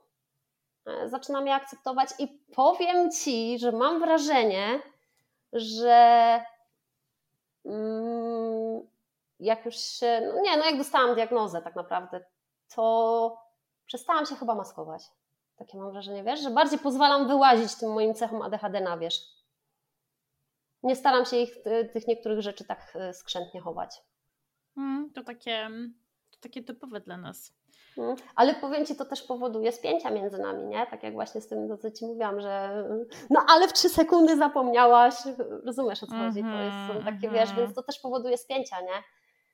Wiesz, on, my jak się połapaliśmy razem, bo my też nie jesteśmy długo razem, my jesteśmy od... Teraz będziemy mieli 4 lata na jesieni, no to 3,5 roku, no jesteśmy razem. Po, po roku żeśmy razem zamieszkali, nie? Spotykania się. Mhm. Co też. To w ogóle to była moja jedyna relacja w życiu, która się zaczęła bardzo powoli, bez fajerwerek, najpierw z takim obwąchiwaniem się. Czyli tak, jak to tak naprawdę normalnie powinno być, nie? A nie od razu wiesz, ło, trzy dni się znamy, już planujemy dzieci, ślub i w ogóle całą starość, nie? Nie, to tak nie było. To było normalnie ja też byłam, wiesz, ja też byłam bardzo, yy, bardzo ostrożna po tej, po tej relacji z tamtym człowiekiem, nie, co mi tak, no. Ja mówię, ja mówię, wiesz co, że to jest paradoksalne, bo tak naprawdę to był moment, w którym ja dostałam takiego kopa i, i zrozumiałam siebie w ogóle. Zaczęłam siebie rozumieć, bo ja bardzo, bardzo długo w ogóle siebie nie miałam, w ogóle bardzo długo nie miałam takiego kontaktu sama z sobą, wiesz? Mhm. Ja dopiero teraz się tego zaczynam uczyć, nie? A to mi w życiu nie pomagało nie pomagało mi, bo przez to, że nie miałam kontaktu z sobą, też nie, nie rozumiałam zachowań innych ludzi, nie? czy nie wiem, intencji, czy no, no, no jakieś prozaiczne, takie wiesz, z życia wzięte rzeczy. Hmm. A czuję, że ta diagnoza ci w tym przynajmniej częściowo pomogła, w tym dochodzeniu do, do takiego zrozumienia samej siebie? Bardzo mi pomogła. Bardzo mi pomogła, bo ja wreszcie siebie rozumiem, dlaczego ja taka jestem. Wiesz co, i to już też słyszałam nieraz. Ja miałam w życiu nieraz takie poczucie, że ze mną jest coś nie tak i często się zastanawiałam, czy ja nie mam jakiejś choroby psychicznej. Mhm. Bo wiesz, sama wiesz, jakieś takie wiesz, wpadki towarzyskie, trzy słowa za dużo, potem wiesz, yy, trzy dni jakiś moralniak po tym, i wiesz, czemu innym się to nie zdarza, tylko zawsze mi, wiesz o co chodzi, co, co mhm. jest ze mną nie tak, no, no, no mnóstwo takich rzeczy, albo czemu ja tak dużo gadam, wiesz, ten oversharing, albo nie wiem, poznałam kogoś, on w pół godziny już całe moje życie zna, wiesz, ja miałam straszne moralniaki po takich sytuacjach, nie? No myślę, że znasz to. Kiwam tylko głową po zrozumieniu. Mm. I uwierz mi, ja, ja, to mi dużo problemów na, na, na ten powodowało w życiu, nie? Mhm. Wiesz, nie, niezrozumienie.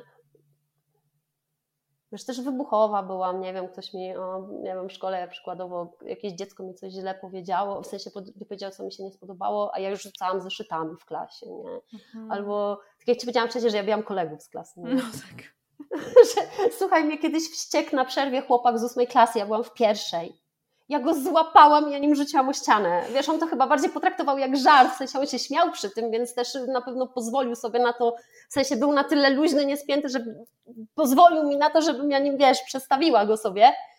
Y, no ale wiesz, samo to, nie? Że ja, wiesz, wyskoczyłam jako, nie wiem, 8 czy 7 latka do 15 latka, nie? No chłopak, kiedyś kolega z klasy mi zabrał klucze, to ja go przez y, cały korytarz goniłam, na końcu go złapałam i go skopałam, nie? Jezus.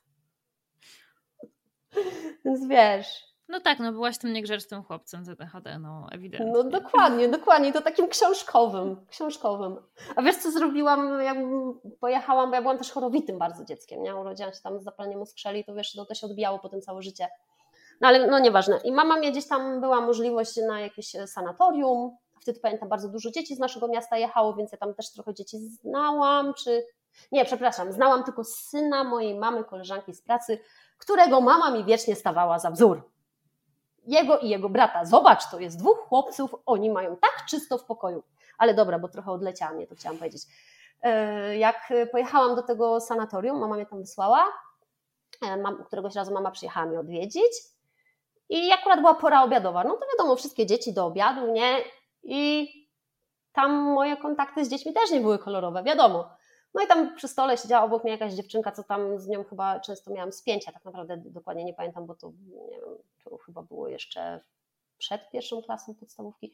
I ona mi powiedziała, bo to dzieci widziały, że mama do mnie przyjechała, nie? I ona mi powiedziała, mama twoja pojechała i ona cię tu zostawiła. Wiesz co ja zrobiłam? Wlałam na nią gorącą zupę. O Boże.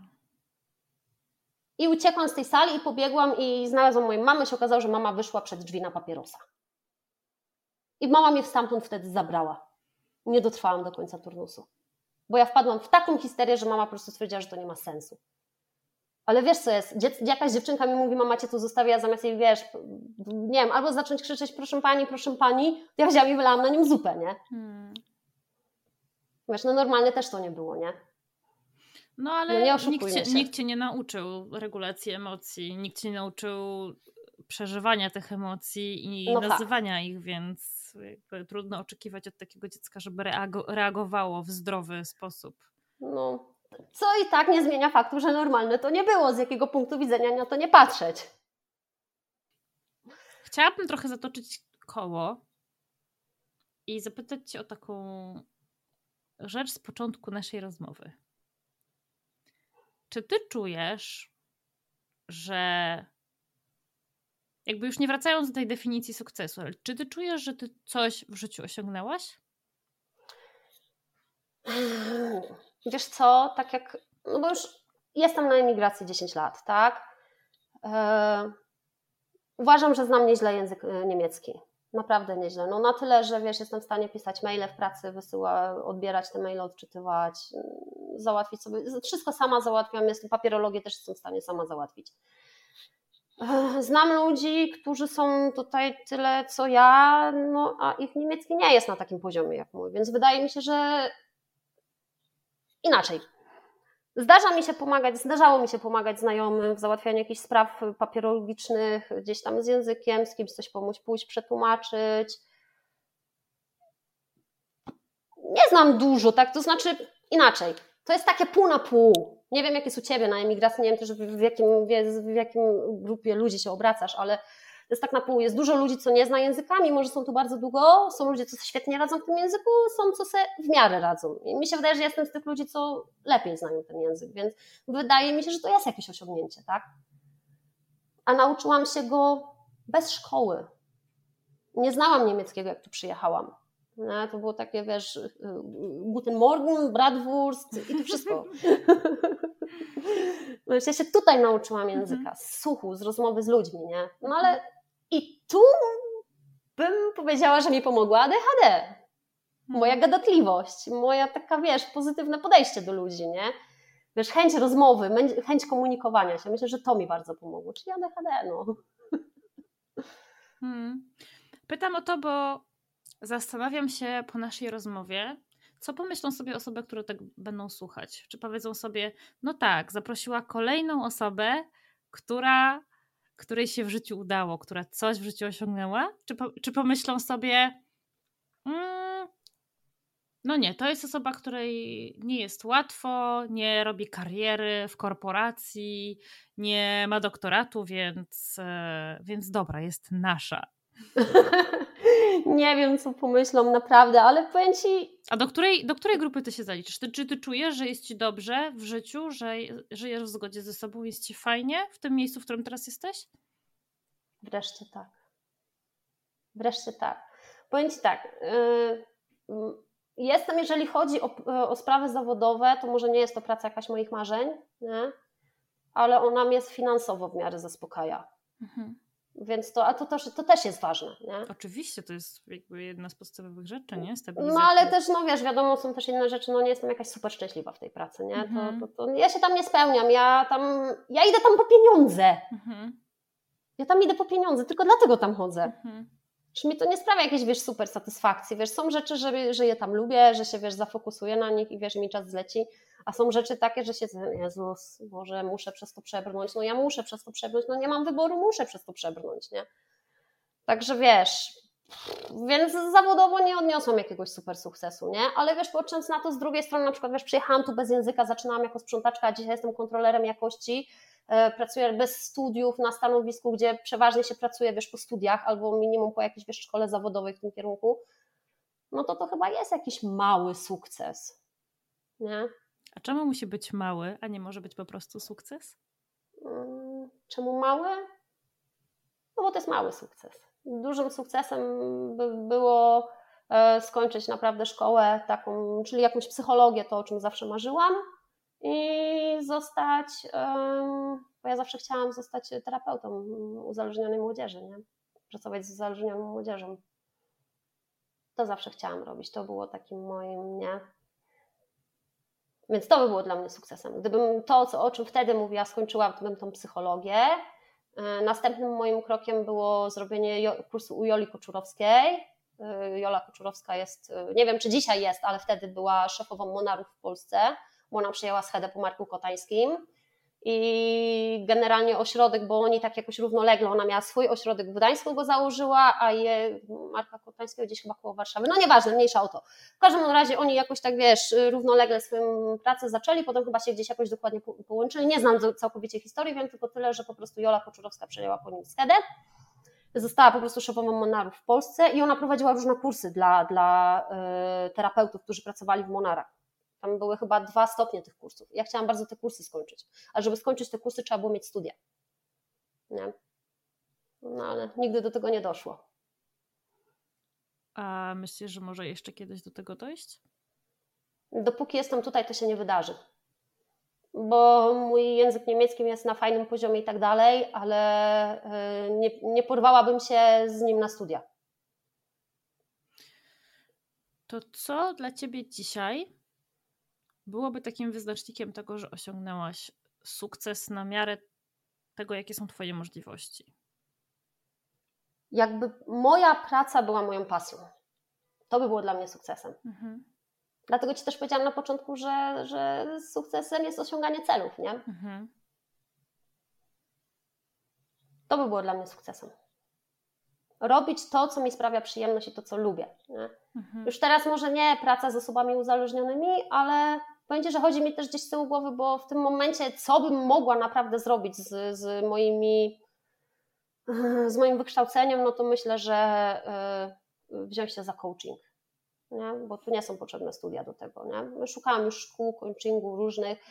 Słuchaj, rozważałam też y, studiowanie online, bo mam tu jedną znajomą, co studiuje online w Polsce, nie? ale no musi jeździć tam no, na, wiesz, na zjazdy nie, wiadomo, ale egzaminy, kolokwia, no musi jechać, nie?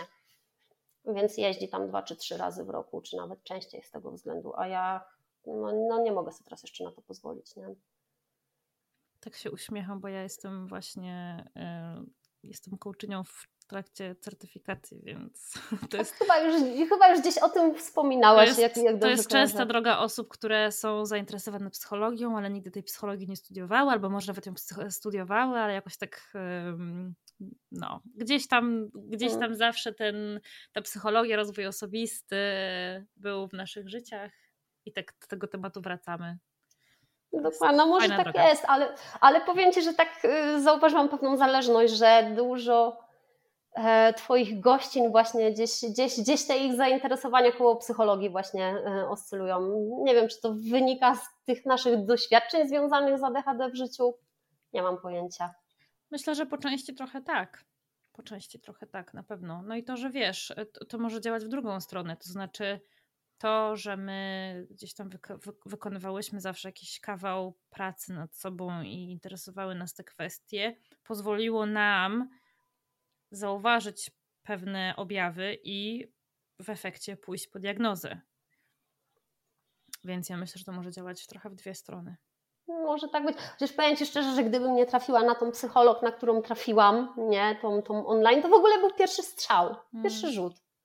E, psychoterapia online, pierwsza lepsza strona, e, sprawdzenie psychologów, pisanie, co tam mniej więcej, no, no tam, ta, ta mi odpowiada, może być, tu spoko, no zaczynamy, nie? I ona mi nagle właśnie wyjeżdża z tą bombą, że ADHD, nie? Więc gdybym trafiła na kogoś innego, to kto wie, czym się dalej z tym nie bujała i byśmy nie zaczęli pracować nad czymś innym, a to by gdzieś cały czas leżało i kwiczało, nie? No, mogłoby tak być. Więc też mówię, ja dlatego mówię, że ja mam, mam trochę szczęścia w życiu, nie? Wiesz, z tym psychiatrą miałam szczęście, to z tym psychologiem miałam szczęście, nie? Hmm. No trochę tak jest, że mam trochę tego szczęścia w życiu. No a jeszcze, a jeszcze wracając do właśnie do tego, czym jest sukces. E, moja kuzynka, słuchaj, jest 4 lata młodsza zresztą, zresztą, jest weterynarzem. Mm, teraz jest akurat w trakcie przebranżowiania się, chce być dietetykiem mm, psim. Nie? Ale nie, nie, nie o to mi chodzi. Ona, bo ona jest jedynaczką, ja też jestem jedynaczką i myśmy takie, wiesz, jak siostry, jak siostry, nie? Tam jak żeśmy dorastały. I ona, od kiedy ja pamiętam, od dzieciaka, od szkraba, ona mówiła, że ona będzie weterynarzem. Rozumiesz? I ona to zrobiła, ona skończyła te studia. Hmm. A ja nigdy właśnie, mi, mi, tego właśnie brakowało, takiej konsekwencji w działaniu, nie? Tańce, miałam jakieś breakdance w życiu, wiesz, też miałam, wiesz, zarzucała mi mama, że ja się nie potrafię na niczym skoncentrować, że ciągle coś nowego, ale też wiesz, na przykład była sytuacja, że coś tam przewinęłam i to ja ci nie dam na tego breakdance'a pieniędzy za karę, nie? A to może mogło być coś, co mnie by bardzo, bardzo by mi się spodobało, bo to było, Jezu, ja byłam taka zajarana, tak mnie to w ogóle mnie cały, wiesz, cały ten świat hip-hopowy i tak dalej, to było, wiesz, mój, moje, moje wtedy, nie? Więc może akurat bym poszła w ten breakdance, no ale... A może byś poszła, chwilę byś się tym pobawiła i poszłabyś dalej, kto wie? No, kto wie, kto wie, wiesz, no tak jak mówię, no, u nas też, wiesz, mnie też mamy moją i, i mnie, wiesz, też finanse ograniczały, wiesz, w robieniu jakichś dziwnych rzeczy, więc, wiesz, mój czas wolny to było, wiesz, ulica, znajomi, ławka, park. Hmm. A, nie, przepraszam, mama mi za angielski płaciła, mama by się na mnie obraziła, jakbym nie powiedziała. To dosyć ważne akurat. Tak, tak, ale i tak się niewiele z niego nauczyłam, wiesz. Nie wiem, czy to było kwestia tego, w ogóle wiesz co, i teraz tak myślę, że to chyba było właśnie ADHD, i jak mieliśmy te lekcje z angielskiego, bo to w ogóle wtedy jeszcze wtedy, bo to było od pierwszej klasy, to był dodatkowo angielski, mama musiała za niego płacić. I ta nauczycielka od tego angielskiego, ona miała bardzo takie pismo, no, no takie wiesz, no nie dla pierwszoklasisty, rozumiesz o co mi chodzi? I ja strasznie była zgroliłam w tym zeszycie od angielskiego, bo ja tak starałam się te litery robić takie, ona jak na tablicy. Ja sobie teraz tak myślę z perspektywy czasu, że to chyba było takie ADHDowe, wiesz? No może trochę. Mm. Strasznie, strasznie tak wiesz, próbowałam od, od ten i przez to straszne kulfony miałam w tym zeszycie. Ale to jest też typowe dla ADHD-owców. Y, my często mamy bardzo niewyraźne, takie niestaranne pismo, bo my po prostu chcemy ale jak najszybciej co? napisać to, co, to, co mamy Dokładnie, napisać. ale wiesz, wiesz, co jest najlepsze? Że jak sobie dobiorę odpowiedni długopis, to potrafię ładnie napisać. tak, i to jest właśnie tak. Moje zeszyty, jak się przeglądało, to było tak, ale bazgroły, dwie strony dalej. O, a tu ładnie napisałaś. Za chwilę, o, tu jest jeszcze ładniej. O, a tu się nie da w ogóle przeczytać. Hmm. Więc to jest u mnie tak, że ja bazgrze, ale ja też potrafię ładnie napisać, nie? I u mnie bardzo, bardzo ważny jest y, długopis, którym piszę, nie? Ale to jest taka piękna metafora radzenia sobie, wprowadzenia strategii radzenia sobie w życie na ADHD, bo to nie jest tak, że to jest kwestia starania się lub nie starania się. Po prostu są takie strategie, czyli ten długopis, które sprawiają, że pewne rzeczy robi się nam łatwiej, bo one są w jakiś sposób do nas dopasowane i wtedy, no, wtedy działa. No, e, a są takie a są tego... złe długopisy, które po prostu sprawiają, że środowisko jest niewystarczająco dobrze dopasowane do naszych warunków i Dokładnie. nie wychodzi tak, jakbyśmy chciały. Albo tak jak, tak jak mogłoby wyjść. Także to jest, to jest, myślę, piękna metafora na, na zakończenie, na podsumowanie naszej rozmowy. Ja chciałam tylko powiedzieć jedną rzecz że ja ci naprawdę z całego serca życzę, żebyś znalazła kiedyś taką pracę, która poczujesz, że da ci faktycznie satysfakcję z tego, co robisz. Mam, mam nadzieję, że to będzie to, co mi chodzi po głowie i na jesieni chcę jechać do Polski i zrobić kurs. Chcę zostać gromerem psim. O, tak, bo wiesz co, mam psa, którego czas strzyc i strasznie jest z fryzjerami tutaj u nas, nie, no brakuje po prostu fryzjerów. Jak, ja, ja to mówię, że znalazłam niszę i jak ją zapełnię, jak mi się to uda, to, to może być z tego coś fajnego. No to super, to w takim razie trzymam kciuki. A wiesz, co jest najfajniejsze w tym? Że moja praca będzie trwała powiedzmy godzinę i od razu będę widzieć y, jej wynik. I Czyli coś idealnego jest, dla ADHD. To jest praca ADHDowa, dokładnie. dokładnie. Kamila, dziękuję Ci bardzo za to, że napisałaś, za to, że zwróciłaś uwagę na to, że takie historie jak Twoje są potrzebne, że są osoby, które powinny to usłyszeć. Um, no i za ten czas dzisiaj. Ja Ci również, Olu, dziękuję. Ja powiem Ci, że stresowałam się troszkę tą rozmową, bo ja generalnie w takich światach, w świecie internetowym, że tak powiem, to, to raczej staram się unikać, w sensie nie pokazywać się za dużo. Więc to no, przyznam, muszę przyznać, że to było dla mnie trochę stresujące, ale jak już zaczęłyśmy rozmawiać, to ten stres bardzo szybciutko ze mnie zszedł i, i bardzo dobrze mi się z Tobą rozmawiało. Cieszę się, że mogła z Tobą porozmawiać i, i mam nadzieję, że ktoś z tego wyciągnie coś dla siebie. Ja również mam taką nadzieję. Cieszę się, że, że pomogłam Ci się odstresować w czasie tej rozmowy. No i powodzenia w, w realizowaniu swoich celów i osiągania sukcesu w związku z tym. Najwyższa pora.